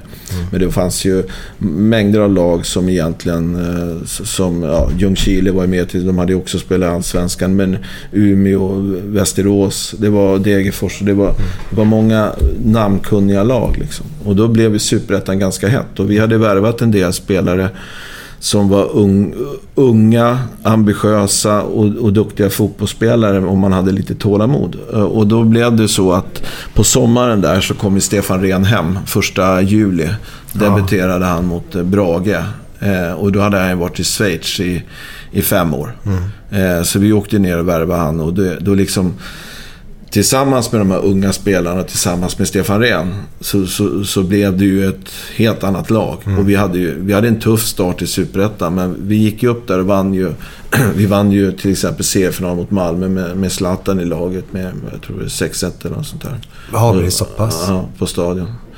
Eh, så att det blev en jävla bra boost och det gjorde ju att vi vi hade en bra stomme eh, och Isaksson kom ju till säsongen 2001 från Juventus. Och liksom hux flux så fick vi en jävla gyllene generation som, som var med och nosade på landslaget och kom med i U21. Och det, då blir det lättare attraktionsvärde. Och sen kom ju Kim 2002.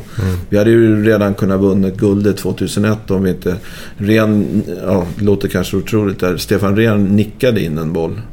Men det blev bortdömd på offside mot Sundsvall. Hade han nickat in den så hade vi kunnat vinna SM-guld redan 2001. Som Var- var ni så nära? Ja, som nykomling. Vilka var det som vann? Var det Halmstad då eller? Ja, nästan började på samma bokstav tror jag. Helsingborg? Nej jävlar, det är det året ja. Ja, det är enda vi- gången de har vunnit. Var då Sören Åkerby fick stryk eller hoppa av. Var det året efteråt eller någonting? Nej, det var Sören Kratz som Sören hade fått sparken på ja. våren. Så vann han SM-guld med Hammarby ena gången. Ja. Så Men du, att, eh, vad hade ni för publiksiffror då? De snackar om den perioden som du Nej, men nu. alltså det är det man får nypa sig i armen och titta på vilken jävla utveckling, intresse fotbollen har haft. Alltså vi hade en arena på stadion som vi kunde, om man, om man bara tittar så hade vi 10 500 och så kunde man göra någonting på kortsidan som knappt, alltså, som var undermålig. Och vi kunde väl ha 13 000 på, på en match. Eh, Eh, på, på stadion. Eh, med en dålig komfort och några satt bakom eh, pinnar och, och stolpar och grejer. Eh, och idag så nu när vi har spelat eh, efter coviden här som, som de släppte på. Vi hade fyra matcher i höstas och vi har, vi har spelat fem matcher nu. Så har vi snittpublik på 19 000. Det är ganska otroligt. Det är jävligt bra. Ja, och sen det, det mest, jag kommer ihåg medlemmar. Alltså det är ju, alla var ju galna för de har ju bara fått tigga brev i Djurgården där 98 och liksom vad kan man göra? Och, och, och då kom jag ihåg att man, men fan man måste ju kunna få ut något av den här medlemsavgiften i vilket fall. Ja. och idag har vi nästan passerat 22 000 medlemmar, vilket är helt jävla sjukt. Bara Djurgårdens fotboll. Så det, det är en stark utveckling fotbollen har gjort och det är klart. Eh, Det var ju lite... Hade du någon driftig person eller någon, någon klubb som var välskött, ja då, då, då, låg ju, då låg du ju allsvenskan på, på, på den tiden. Ja, det var så. Ja, men det- nu, nu, är det, nu, är det större, nu är det ett företag. Det har ett, som är jävligt resultatbaserat. Vinner du inte matcher, ja då får du kritik. Men det, det, du känner ju att du... Det finns ju ett engagemang som, eh, och du är nåbar på ett sätt som man inte för 20 år sedan är helt Den utvecklingen är enorm och det tror jag att liksom man är politik eller så. Man, man, man känner, vill känna delaktighet. Antingen man är djurgårdare eller AIK eller Hammarby och man går på matcherna. Den, den kulturen har vi lyckats med i Stockholm. Det är ingen snack om det. Nej, Men det är ju det som behövs i Göteborg Ja. just nu. Det är ju bara Blåvitt. Häcken är ju ingen som bryr sig. Alltså, Nej, det är- allvarligt, jag- det är två Nej, elakt. de, de får jobba några år för men, alltså Men, men de är på väg upp kan jag säga. Ja, men jag alltså- måste ändå säga Göteborg, alltså, jag, jag tror inte de ska behöva åka ner. De har någonting, ja, intresset alltså, Mm. på läktaren, alltså, det är imponerande tycker jag. Alltså, som de har haft här sista tiden. Mm, ja, det är bra stämning och Ja. hyfsat med folk. Ja, tids nog kommer resultaten också. Ja, det hoppas vi verkligen. Eh, Men vad, hur ser det ut för er i år, eh, känner du? För ni har ju varit, det känns som att vissa matcher har, har ni egentligen, det lilla jag har följt er då, så, så, så har ni varit det bättre laget på planen men inte lyckats ta tre poäng. Är jag rätt ute då? Ja, du är helt rätt. Precis vad våra tränare säger. Vi har varit, den känslan vi har. Vi har varit bättre på plan.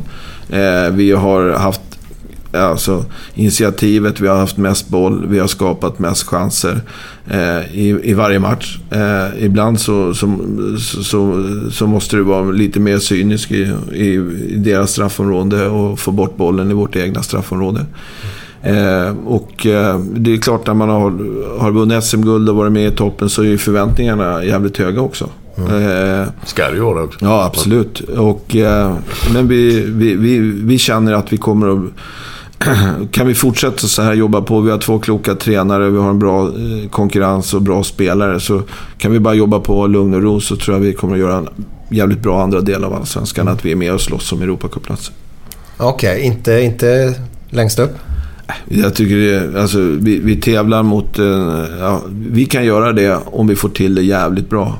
Det kan vi göra, säkert utmana, men, man ska ha stor respekt för att det finns många andra klubbar, i synnerhet Malmö, som har större resurser och eh, större förväntningar och större krav på sig än vad vi har. Vi, vi kan smyga med. Gör, vi det jävligt bra, då kan vi vara med och utmana om guldet. Men eh, Gäller att ha lite tur på vägen också eller? det gäller att ha lite flyt va? Ja. Det är då att bollen går stolpe in och vi känner väl kanske att den har gått lite stolpe ut. Men jobbar vi på så kommer den gå stolpe in. Ja, du pratade ju om stolpe ut insidan i Ja. Var det Vasalund eller? Ja, den, ja precis. Ja. Den gick ju stolpe ut. Ja. Det var jävla sjukt det. Surt det. Men 19 fick ni stolpe in istället då. För ni låg under med 2-0 borta va? Ja, efter gå upp till 13 två. minuter. Ja. Ja. Och, och den chansen som man ser. Hur mår du då när man ligger under med 2-0? Ni- För ni måste ha oavgjort den matchen. Ja, vi måste ta en poäng. Ja. Förväntningarna är enorma. Hela stan i Norrköping är full av djurgårdare. Vi kan ta ett ganska oväntat guld också. Ja. Och vi har bara att ska ta en poäng. Och eh, du vet ju att Malmö eller Hammarby, om de vinner så kommer de före oss. Ja. Och då kommer man trea. Så det är klart att eh, jag, jag kan inte säga att jag mådde bra.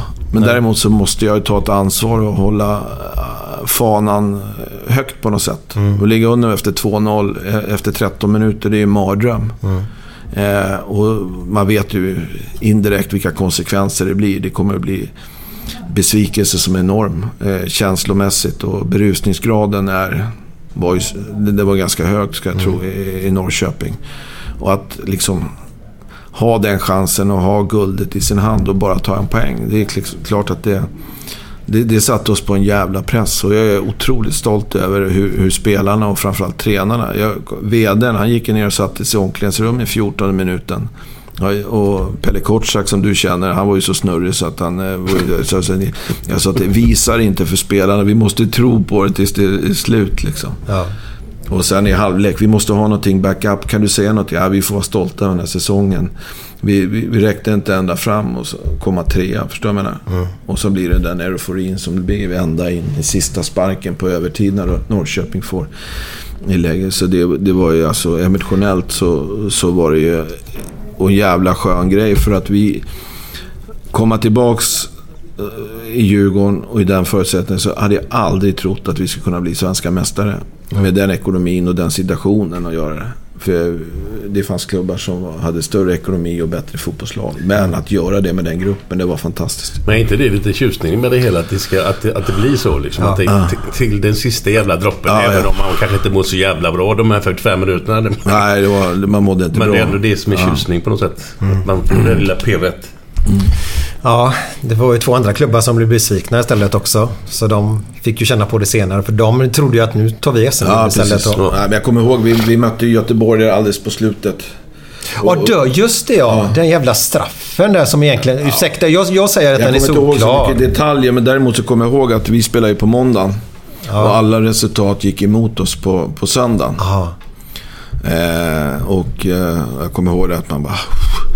Och så sa jag, nu, nu liksom vinner ni, alltså slår Göteborg borta. Det är ju ingen lek liksom. Nej. Och pressen var ju, om vi skulle vara med så var vi tvungna att slå den. Och, eh, och så sa nej men det...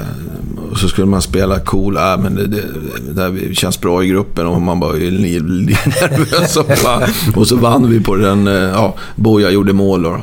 Vi var inte helt rätt, det kunde ha blivit oavgjort och tappat poäng, Det, absolut. det, det var en solklar straff till Blåvitt där faktiskt. Ja, men det, det tror jag Glenn har, har många straffar som han har, så, som han har, ja, som inte har blivit Orsakat, som inte har blivit straff. Ja, som orsakat som... Nej, jag tror inte jag kan komma ihåg någon. Ja, jag kan berätta om en. Den var med på, i en podd nu senast. Det var Costa Rica där, 90.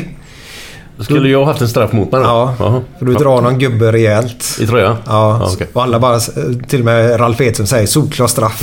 Ja, ja, jag kommer inte och då är det det, eller När Ralf säger något så... Det var så kul. Har du sett det här 94-programmet? Mm. Och så, de börjar mot Kamerun. Eh, Det var ju första delen. Och så ser Bosse Hansson där och, och var det Svenny som är expertkommentator. Ja. Och, så, och då ligger de ju under med 1-2 mot Kamerun i första matchen. Alltså. Och Bosse Hansson är väldigt bitter. Ja, ja, tankarna går ju här till 1-2, 1-2, 1-2 ska det upprepas som i Italien. Alltså, jävla små marginaler det kan vara i fotboll. Ja, ja, ja. Och så får man in det där 2-2 målet. Eh, Martin Dahlin. Och så liksom... Och så går det, och Ja, så ja. ända... Alltså vilka jävla fotbollsupplevelser. Har det var. blivit 1-2 den matchen Ja, så har det aldrig det- blivit som Nej, det blev. Nej. nej. Det är så jävla... Fotboll är härligt. Ja, det är det. Samtidigt som det kan vara ångest då som det var för dig där, Ja. eh, 0-2 där då. Men vad var det som fick dig att sluta som klubbchef? Men det, jag, jag, Du slutade, vilket år slutade du? Jag slutade 2008. Vi hade haft enorma framgångar. Vi hade väl lite storhetsvansinne i Djurgården. Att vi, vi liksom, hur svårt kan det vara? Att men man, man, man, man, kör, man ska ju... Ja, det, blev, det blev fel liksom. Jag, jag kände att det där är inte jag alltså. Att jobba i den här vardagen. Eh, Vi hade många olika typer av styrelser och sen så visste man ju att fan, det är, vinner du inte fotbollsmatcher så är det ganska bräckligt där. Och jag tyckte att det kanske måste finnas en anda i, i det här. Eh, och eh, jag kände mig liksom jävligt färdig med det. För jag, jag, det slet mig hårt och jag mådde inte liksom helt hundra. Eh, tyckte inte det var kul att gå till jobbet. Eh, och jag hade väl en del andra intressen som jag tänkte att nej, men jag ska göra det. Och sen fick jag en jävligt schysst deal av Djurgården. Ställde jag det mot varandra. För jag tyckte jag hade gjort ett jävligt bra jobb i 11 år. Och det, jag fick uppskattning för det, den dealen jag fick. Och kunde göra andra saker i två och ett halvt år i mitt liv som jag är tacksam Vad- idag. Vad gjorde du då? Ja, men dels så gillar jag ju skärgården. Jag hade en krog ute i skärgården tillsammans med några andra och sen tycker jag det är kul och framförallt så skulle jag bygga ett hus. Och eh, jag ville vara delaktig i det. Och det, huset står ju kvar. Bor du kvar? Ja, Ja, vart ligger det? uppe i Norrtälje. Norrtälje, ja. Så det är en bas som är viktig för mig. Eh, Och det, jag, jag tror jag... Det här jobbet är jävligt pressande. Det är liksom, eh, men jag har, har erfarenhet och känner mig trygg i mitt jobb idag. Liksom, så att det, men det, jag vet att i vissa perioder så är det jävligt ansträngande. Och, jag vi har mycket bra folk eh, runt mig. Så vi känner oss mycket tryggare än vad vi... Dels har vi eh, ekonomi idag. Som vi, liksom, det är en annan sak när man, vi äger våra egna beslut och egna, ja, hur vi ska utveckla och vi- vad vi själva vill värdera för att göra som är viktigt. Så att eh, idag är det jävligt kreativt och mycket, mycket bra människor som jobbar och det blir enklare för mig också. Eh, och eh, samtidigt så kan jag vara ute i skärgården och då kan man slå om det där. Ja. Och hitta bränsle på något annat.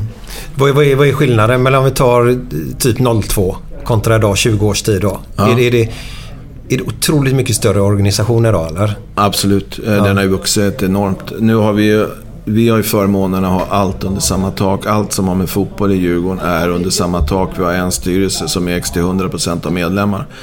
Vi har ju 2 500 barn som spelar fotboll i Djurgården. 2 500 är ju enormt mycket. Ja, vi, samtidigt som vi har en elitklubb för både herr och dam. Och vi har eh, pojkar och flickor i, i, i det. s- Som det. Vi, vi driver... Vi försöker få barn i, i, i skolor i rörelse. Vi har liksom egentligen 35 man som, som är ute på skolor och jobbar i Djurgården för att få barn att vara i rörelse på skoltid. Så Det har blivit en succé som heter Skol-IF. Eh, Så, så vi är väl, eh, det som har vuxit, som är stora skillnaden, ja, det är klart att det är, det är mer ekonomi. Vi har mer som jobbar på ekonomiavdelningen än vad vi hade. Förr var det någon förtroendevald i styrelsen som skötte ekonomin. Liksom. Idag har vi ju tre anställda på ekonomin, för vi omsätter upp mot en 100, ja, utan spelarförsäljningar, 150-160 miljoner vill upp. Ah, ni är där uppe. Eh, och sen har vi eh, någonting som har vuxit enormt. Det, det tror jag själv. Det är därför vi sitter här. Det är ju sådana här poddar och, och den biten. Alltså vår medieavdelning med Instagram, Facebook, rörligt material och få känna, och känna tillhörighet till klubben. Och de har ju varit extremt skickliga. Där har vi sju, åtta man som jobbar. Det är väl det som har vuxit mest kan man säga. Sju, åtta man alltså. Shit. Ja.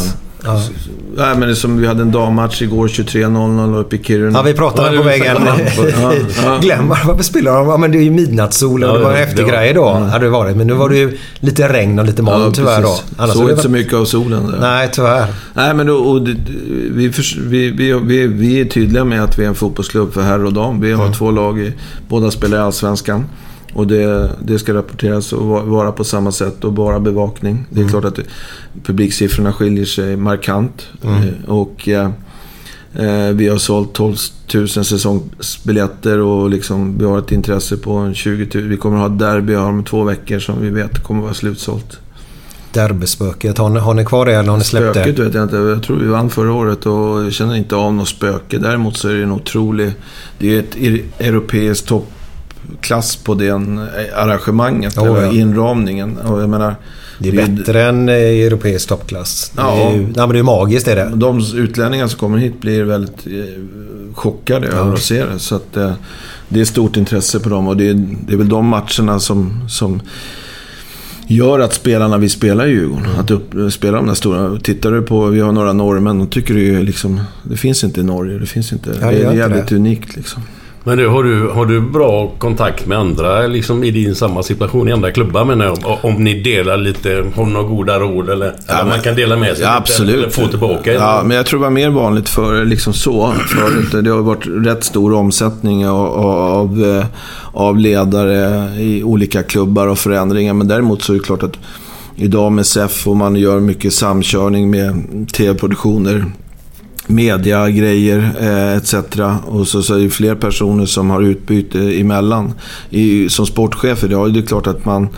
Det har också varit om, omsättning där, men Håkan Mild har man ju lång relation. Stefan Andreasson, Urban Hagblom och Tony Martinsson i Norrköping. Det är väl några som man har mer än andra, givetvis. Ja. Sen är det ju Klart att det är en liten rivalitet mellan AIK och Hammarby och, och Djurgården. Men det, det finns ju några beröringspunkter som vi, som, som vi har eh, kontakt om. Så där. Men man ringer inte och frågar AIK hur känner ni, värdera där. Då får man inte något ärligt svar. Liksom. Det Nej. kan man ju tänka sig. det, det vore väl konstigt om du fick.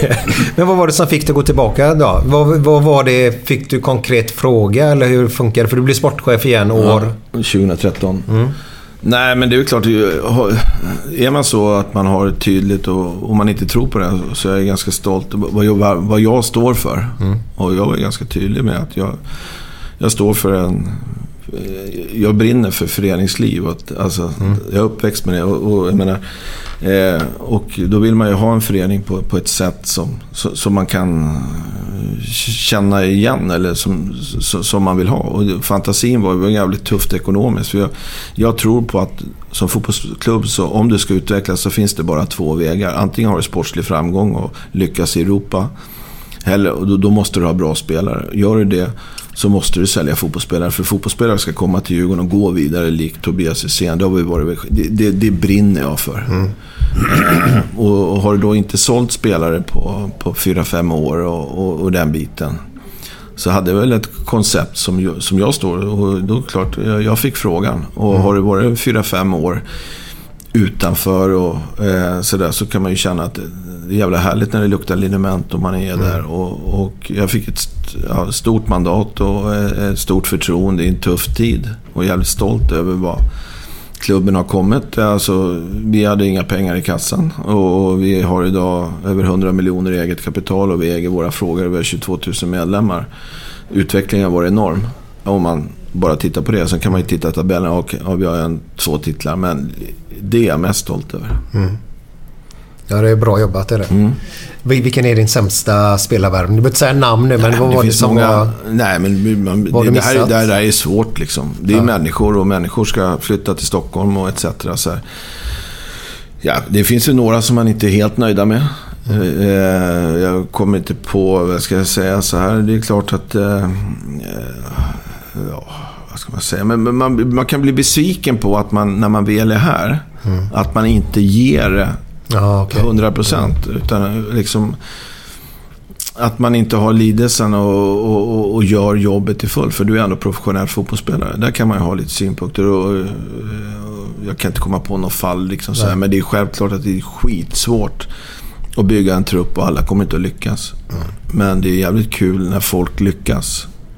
Vilken, vilken, vilken är din bästa köp då? Eller inte bästa, du vet jo men, Nej, men så, det. Man kan räkna Bra det köp pengar. Vad, vad jag tycker så här att man som klubb, man måste ha tålamod. Mm.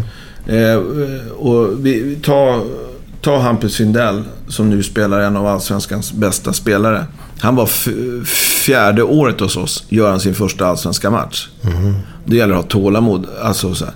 Tino Kadewering, som kille som kom som 18 år, som också i fjärde året slog igenom. Och det är liksom, man måste ha tålamod. Ja. Och det finns det inte alltid i de här stora klubbarna. Men det är jävligt viktigt för mig. Att man känner trygghet. Att vi erbjuder, erbjuder en miljö och att vi ser det långsiktigt. Då brukar produkten bli bra.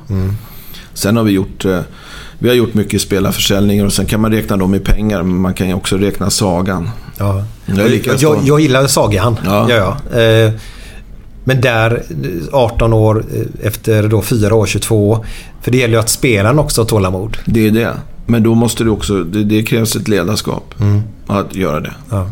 Det, det, det är viktigt. Och, det, och det är ni bra på då? Jag tycker att vi är, bra på det, för vi har gjort många sådana sagor. Edvard Chilufya var en sån kille som kom som 18-åring och nu spelar i Midtjylland och gick för dyra pengar. Och att det finns liksom... eh, viktigt att likväl som när eh, Tobias gick till Sunderland är det viktigt att ja, familj eller spelare är med på vagnen. Ja. Och att man kan gå som vänner. Liksom. Det tycker jag är viktigt. Ja, det är jätteviktigt. Man möts där ändå. Och det, det har vi lyckats med många bra ambassadörer. Sen är det ju alltid kul när det kommer en kille som, eh, som ingen vet om eller som gör, en, gör ett avtryck. Vi har liksom Michael Lunga som många dömde ut. Och så Och vi, vi låg risigt till i tabellen och så sa jag, men vi ska inte värva någonting utan nu kör han. Så gjorde han 13 mål på 11 matcher. Ja. Det, då, det är klart att jag gjorde två direkt mot dagen efter styrelsemötet. Jag sa styrelsen trodde inte mina ögon. Alltså, gjorde han två mål mot Göteborg.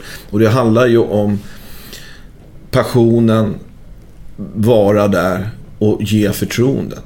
När, men det är också kravställningen innan. Ja, det är ju det. För det, idag går det ju snabbare. Kraven ställs ju direkt. Ja, ja. Alltså. Lyckas du, inte så... Nej, du kan vara dömd på en träning, du kan Ja. vara dömd på en match. Ja, och det är ju från alla håll. Mm. Nej, men som Tino Kadewers första boll-touch när han var 18 år. Ja. Vi led- ledde mot Helsingborg. Han hoppade in i 90 minuten. Tappade boll, blev 2-2. Uppenbart hans fel. Men alla våra spelare klappade om han. Jaha. Idag spelar han i Lyon. Ja. Eller hur? Det kommer han alltid ha med sig. Gött när det kan bli så. Ja. Yes. yes. Coolt. Ja. Jag tror ni också hade en jävla värme i det 80-talslaget som ni hade, eller hur? Ja, ja, ja. Det var ju halva grejen. Ja. Vad, vad, vad har du för minne från, från 80-talet med, med dessa herrarna då, IFK Göteborg? För Blåvitt var ju ganska älskat i hela Sverige på den tiden. Verkligen. Ja, de blev ju folkets lag. Eller hur? Ja. Den invester- alltså, det gjorde de ju på att de hade... Dels att de hade framgångar, men de var jävligt folkliga. De är, eh, och jag har förmånen att lära känna de här som var mina... Men jag kommer ihåg de här... eh, Man, man, Göteborg ska spela och så sitter man och kollar på TV och spelar mot Hamburg eller, och, och så alltså vinner. Det, alltså, det är helt sjukt ju. Va? Eller hur? Jag tror inte de som var på plan fattar riktigt. Men i, det är ungefär som du säger Stenmark eller Björn Borg nu säger han på Wimbledon. Ja, eller hur? Det är vår tids största minnen kan jag säga. Ja. Och sen man går hela resan och sen just det mediaintresset. Med, tänk dig mediaintresset idag. Ja, tänk om de här hade haft eh, Instagram eller skicka ut händelser i omklädningsrummet. Det hade varit godbitar som... Oh, ja. Va? Eller hur? Det var, ju- för fan röksignaler på den tiden. Ja, Nej, men och så fanns det ju också familjärt. Alltså, de kom ju tillbaks. Några gick proffs, kom tillbaks och gick vidare igen. Du var väl en av dem. Torbjörn Nilsson var ju fantastisk. Ja, men just det där. Jag kommer ihåg när ni var på träningsläger, kastade vatten på varandra och grejer. Och, och klippte sönder kalsonger eller var det inte något sånt här? Men det var ju massor. Idiotgrejer var det. Ja. Men det, det tror jag präglade eh, många, inte bara mig. Ja. Och så hade de så här sköna människor som, om vi tar Tord och, Tord och Tommy Holmgren då. Ja. Eh, från, från Gällivare va? Nej, men de tog ju killar från... Ja, som, som, som, som du vet Glenn Schiller och Glenn Strömberg. Det var ju buspojkarna i laget då va. Ja. Det var ganska skönt att ha Tommy och Tord. Ja. Lugna och härliga. Och så hade vi bröderna eh, Conny Conny och Jerry. ja, och Karlsson då. Eh, ja, men det var ju trygga, härliga människor också då. Nej, men den, Så blandningen var ju helt enorm. Ja, men den respektlösheten, för de måste ju ha känt en jävla trygghet i laget. Att Ja, åka, ja. eller hur? Och lita på varandra. Och, och just den här kravprofilen som... Ja, men två grabbar från Gällivare och, och Stig, vad är han? är från Lycksele eller vad Ja. var det? Ja, ja. eller hur? Sorsele var det. Sorsele. Sorsele, ja. Nej, men det är liksom... Det blev ju verkligen Sveriges lag Mm. liksom, som, som alla följde. Och, och sen var de ju jävligt... Bjussade ju på varandra. Mm. Enormt. Och slängde ut många i Europa på den tiden. Ja, visst. Och, alla, och dragningskraften var ju enorm. Nej, det var en härlig tid. Eh, som man får längta tillbaka till om man vill i alla fall. Ja. Ja. Eh, jag var inne på ett spår innan men jag, jag tappade det helt tyvärr nu Bosse. Men eh, Spårvagn. Spårvagn, vill du ha det? Det har ni i Göteborg. Ja men det har ni på Djurgården också. Så det, det blir det inte mer och mer sånt här också. Ja, inte riktigt så. Ja, men på Djurgården en, går väl Ja, det går en från Norrmalmstorg till Djurgården. Ja. Men i Stockholm, i Göteborg så blir man ju osäker när man kommer i bilen vad man ska köra där. Ja, det är så. Jag kan Om ni tycker med det är ett problem. Nej, nej, det är- Ja, men du ska se hur det är idag då när de håller på att göra om en massa skit. Ja. Är Jag hämtade Glenn hemma hos honom i morse och vi kom knappt ut därifrån. Nej, nej. De har grävt upp hela alltet. Men, Blir det eh, bra till slut? Ja, det blir det. det, blir det. Eh, men vi, vi, vi ska snart börja runda av, ska vi göra. Eh, Steve Galloway. Ja. Spelar du med honom? Nej, men jag känner han väldigt Ja. väl. Han ringer mig fortfarande. Ja, det är så. Ja, en väldigt... eh, Jag... Det var ju en spelare som jag gillar väldigt, väldigt Mm. mycket. Eh, hur, hur duktig var han? Nej, men alltså han eh, kom ju till Djurgården. Eh, Var det från Umeå eller något eller? han kom från Umeå, kom från, från Teg. Han var ju engelsman som flyttade upp. De hade ju en driftig kille uppe i Umeå som hade bra kontakter i England. Eh, och eh, han kom upp eh, och spelade i Teg. Och eh, blev värvad av... Blev ju två killar från Umeå som kom ner till Djurgården. Det var Jens Fjällström var ju den andra. Ja, just det. ja. Kom, kom från Gimonäs och, och, och eh, Steve Galloway kommer från Teg då. Och eh, de kommer ner och Djurgården hade ju gjort en extrem satsning 1986 som kallas Stockholms stolthet. Jaha. Där man värvade Sören Börjesson, Glenn Schiller, Stefan Kullberg från Göteborg. Ja. Mm, Sören Börjesson visste jag inte om. Nej, han gick ju GH här uppe. Ja. Och så Thomas Sunesson som tyvärr har gått bort och det var ju 10-11 stycken. Så det var en stor satsning. Och den gick ju käpprätt åt skogen. Man åkte ur och så spelade Nej. man division 1. Men man hade ju ändå ett ganska bra lag och Stefan Rehn kom in i den här vevan och grejer. Och eh, så, så värvade man Steve Galloway. Som gjorde succé och som ledde ända fram till, eh, till ett SF-final mot... Man slog ut Göteborg på stadion här när plan var i stenfrusen. Eh, 88. Det var 88 då, okej. Ja, I semifinalen så mötte man Malmö då i, i, i, i, final. Var det den de visade lite grann på, Ja, på ja. VM 94? nu? Ja, precis. Det är 7-3 eller någonting va? Ja, precis. Man spelade ju 0-0 borta. Han fick, kunde inte spela på stadion. Fick ju spela på Råsunda. 0-0. Ja. Och så torskade man 7-3 och Martin Dahlin gjorde fyra mål. Det var väl startskottet på hans karriär om du såg det där programmet. Ja, ja. Så Jag kommer ihåg eh, matchen. Och, och då var ju Stig Galloway den stora profilen. Mm. Han bjussade på sig själv, gjorde mål. Eh, Ett härligt leende hade han. Ja, och var ju otroligt populär. Ja. Eh, och han är ju med, han bor i Stockholm idag.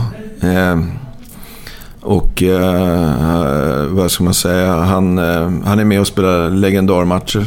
Han är det, ja. Ja, och eh, kanske inte lika rörlig och snabb i djupled längre, men, men eh, följer oss och är en, ja, en Djurgårdsprofil kan man Men verkligen säga. när, när fan var Teddy Sheringham här?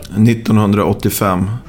Var det 85? Ja. Var han här en säsong eller Ja. var det bara en halv säsong eller? Nej, han kom ju precis en halv säsong. Han- Han det var Pelle Kotschack och, och de som hade någon kontakt i England. Så fix, fixade man Teddy Sheringham. Han var ju bara ja, 19 bast. Kom hit och eh, fick bo på eh, hos Leffe Nilsson på golvet eh, i Gamla stan. Och eh, på den tiden så... Det var lite innan när Café Opera hade slagit igenom. Då fanns det någonting som hette Backevapen och det låg ju två, två kvarter ner längre från Leffe Nilsson. Så han gillade ju Backevapen på den tiden och var där. och... Eh, Sen det som slutade med att det blev ett avgörande kval mot eh, Djurgården Guys om du kommer ihåg det. Ja. Stod Sören då? Eh, Sören... Järlöv. Eller Ja, det tror jag, det tror jag han gjorde. Ja, absolut gjorde han. Och då blev det ju så att det blev oavgjort. Jag tror 0-0 borta och så blev det 1-1. eh, 0-0. Var det straffgrejen Ja, precis. Straffarna. Och Teddy slog in en avgörande straff. Djurgården gick upp i Allsvenskan och Gais ja, fick ju vara kvar då. Slog Ted- han slog, gjorde han målet? Ja, han gjorde mål. Han gjorde, det blev ju 0-0 vid Ja, fulltid ja. tror jag. Och så blev det förlängning. Och så gjorde Gais 1-0. Men bortamål räknas, det var liksom... Och så kvitterade Teddy Sheringham till 1-1. Så det blev ju straffar. Ja. Jag, jag, vill minnas att det var så. Men, eh, ja, så han var ju stor hjälte där. Men eh, Leffe Nilsson, eh, ah, han har ju ganska stora framgångar efter, efter Djurgården. Ja, och han, skrev, han var ju ganska nöjd, Leffe Nilsson, han skrev, Teddy skrev i memoarerna och nämnde Leffe Nilsson och att han bodde där. Och så, Nej. ah, det är min gubbe. det är min gubbe. Ah, vad härligt. Vilken story. Så han var med och ja, alltså, han gjorde 1-1 målet. Ja. Ja. Shit, det har jag missat helt. Ja, jag, Men jag, jag kommer ihåg straffarna och det där. Vad sa du? Jag kommer ihåg straffarna och det. Ja, det var ett klassiskt... Eh, det var det Bengt Grive som kommenterade.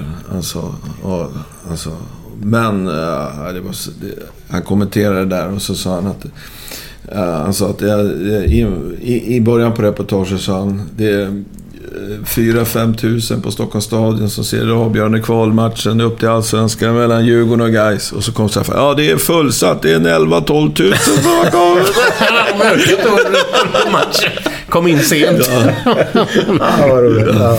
Nej, det är en jävla skillnad. För slutet på 19 början på, slutet på 80-talet och början på 90-talet, det var det ju knappt någon publik i Allsvenskan överhuvudtaget. Det var ju helt stendött Ja, nästan. Det var ju, jag har ju sett bilder från när Kenneth Andersson bland annat gör ett snyggt mål på Ullevi. Det är ju helt tomt. Nej, men jag spelade mot, med AIK 1990 mot Örgryte på Nya Ullevi inför 1400 pers. Åh, vad roligt. Fy fan va? vad kul. Ja, ja, sådär. På tal om Brolin. Jag åkte dit faktiskt och kollade. Öjs mötte Giffarna.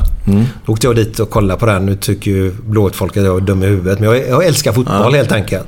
För jag ville kolla. Och så sitter jag inne och då gör Brolin...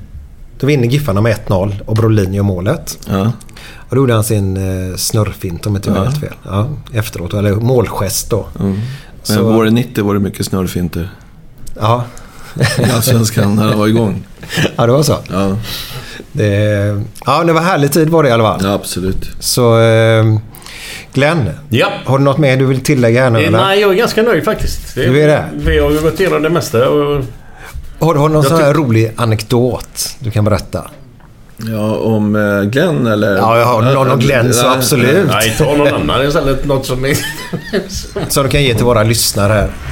Nja, det var ju ganska kul. Eller anekdoter, det, det skulle jag förberett mig lite på. Men däremot så... eh, En, eh, en historia som är ganska rolig uppifrån Roslagen så hade vi mm, på fotboll en domare som hade ett, eh, en eh, tvätteri som hette Roine. Surf-Roine kallas han för. Och han var lite oberäknelig som domare. Och så var det en, en stjärna som hette Åke Bulten som gick till AIK. Han var ju stjärnan liksom. Snabb som fan och alla skulle sätta åt han, smälla på han. Så Bulten frågade domaren så här. Hör du, sa han. Roine för helvete, du måste blåsa nu för jag är frispark. Ja, ja, ja, så sa Roine så här. Men eh, vad vad får jag dig, vad får jag om jag ber dig fara åt helvete? Ja, det blir varning det, sa, sa, sa Roine. Ja, så Bulten får en jävla smäll, så sa han till Roine. Så nu får du fan ta bort surfen i ögonen och bad han fara åt helvete. Och Roine kommer fram och ger en rött kort. Och då sa Bulten, vad fan jag frågade för en 20 minuter sedan, skulle börja bli gult. Ja, ja, det var du det. Så, så ändrade han, så blev han gult istället för rött. Den är ganska kul. Den var ju väldigt trevlig. Du har en med lite rolig med Grobelar. Vi har vis- visserligen berättat den i podden innan. Vilken tänker du på i omklädningsrummet? Ja, tack. Den är lite trevlig tycker jag då. Ja, ja. Nej, men det var ju... Det var en av de första träningarna jag kom dit. Så hamnade jag bredvid honom. Och så, så första han sa nästan så berättade han att de hade mött Tottenham i en match. Och så hade Tottenhams högerytter kommit runt på kanten och slagit ett stenhårt inlägg efter marken. Så tog den på Allan Hansens benskydd. Och in mellan benen på Bruce. Och det är ju en tabbe då. Så sitter de i omklädningsrummet efter matchen. Så kommer Bob Paisley in. Som var görkänd manager på den tiden. Tackar gubbarna för matchen och så kommer han fram till Bruce och då ska han be om ursäkt liksom. Sorry boss, säger han och liksom. Jag skulle ha hållit ihop benen. Nej, nej, nej, nej, säger Bob Paisley. Din mamma skulle ha hållit ihop benen. Snacka om käftsmäll. Jag tänkte på göteborgaren Raffe där. Det tycker jag är rätt roligt om du bara roliga historier. Det var, ju- Raffe, Ben och Magnusson och Raffe var ju lång och Lehammer. Oh, också ja. så, så, så var det lite roligt när Ben, de pratas ju varje dag. Så, så, så, så, så ringer Ben och säger Fan eh, Raffe, fan jag ska vara med på, de har ringt, jag ska vara med på Fångarna på fortet. Så, så säger han till Raffe. Vadå, eh, är dvärgarna sjuka eller? Det är världsklass. Springer med nycklarna eller? det är det är Glenn, du skulle ju fälla någon dvärg ju. Nej, men jag satt ju med... Ingen aning det var, men... Nej, men jag satt ju med Pelle Fosshaug och skulle spela in det här Fångarna på. Vi och drack bira dagen innan. Så kom vi överens om att vi skulle fälla en dvärg. Okej. Men så satt ju Gunde Svan i ett bord längre bort. Ni ska, här ska inte fällas någon inte. Han ska fällas en gran. Ja, ja, ja. Den där gör Med inte det. fan.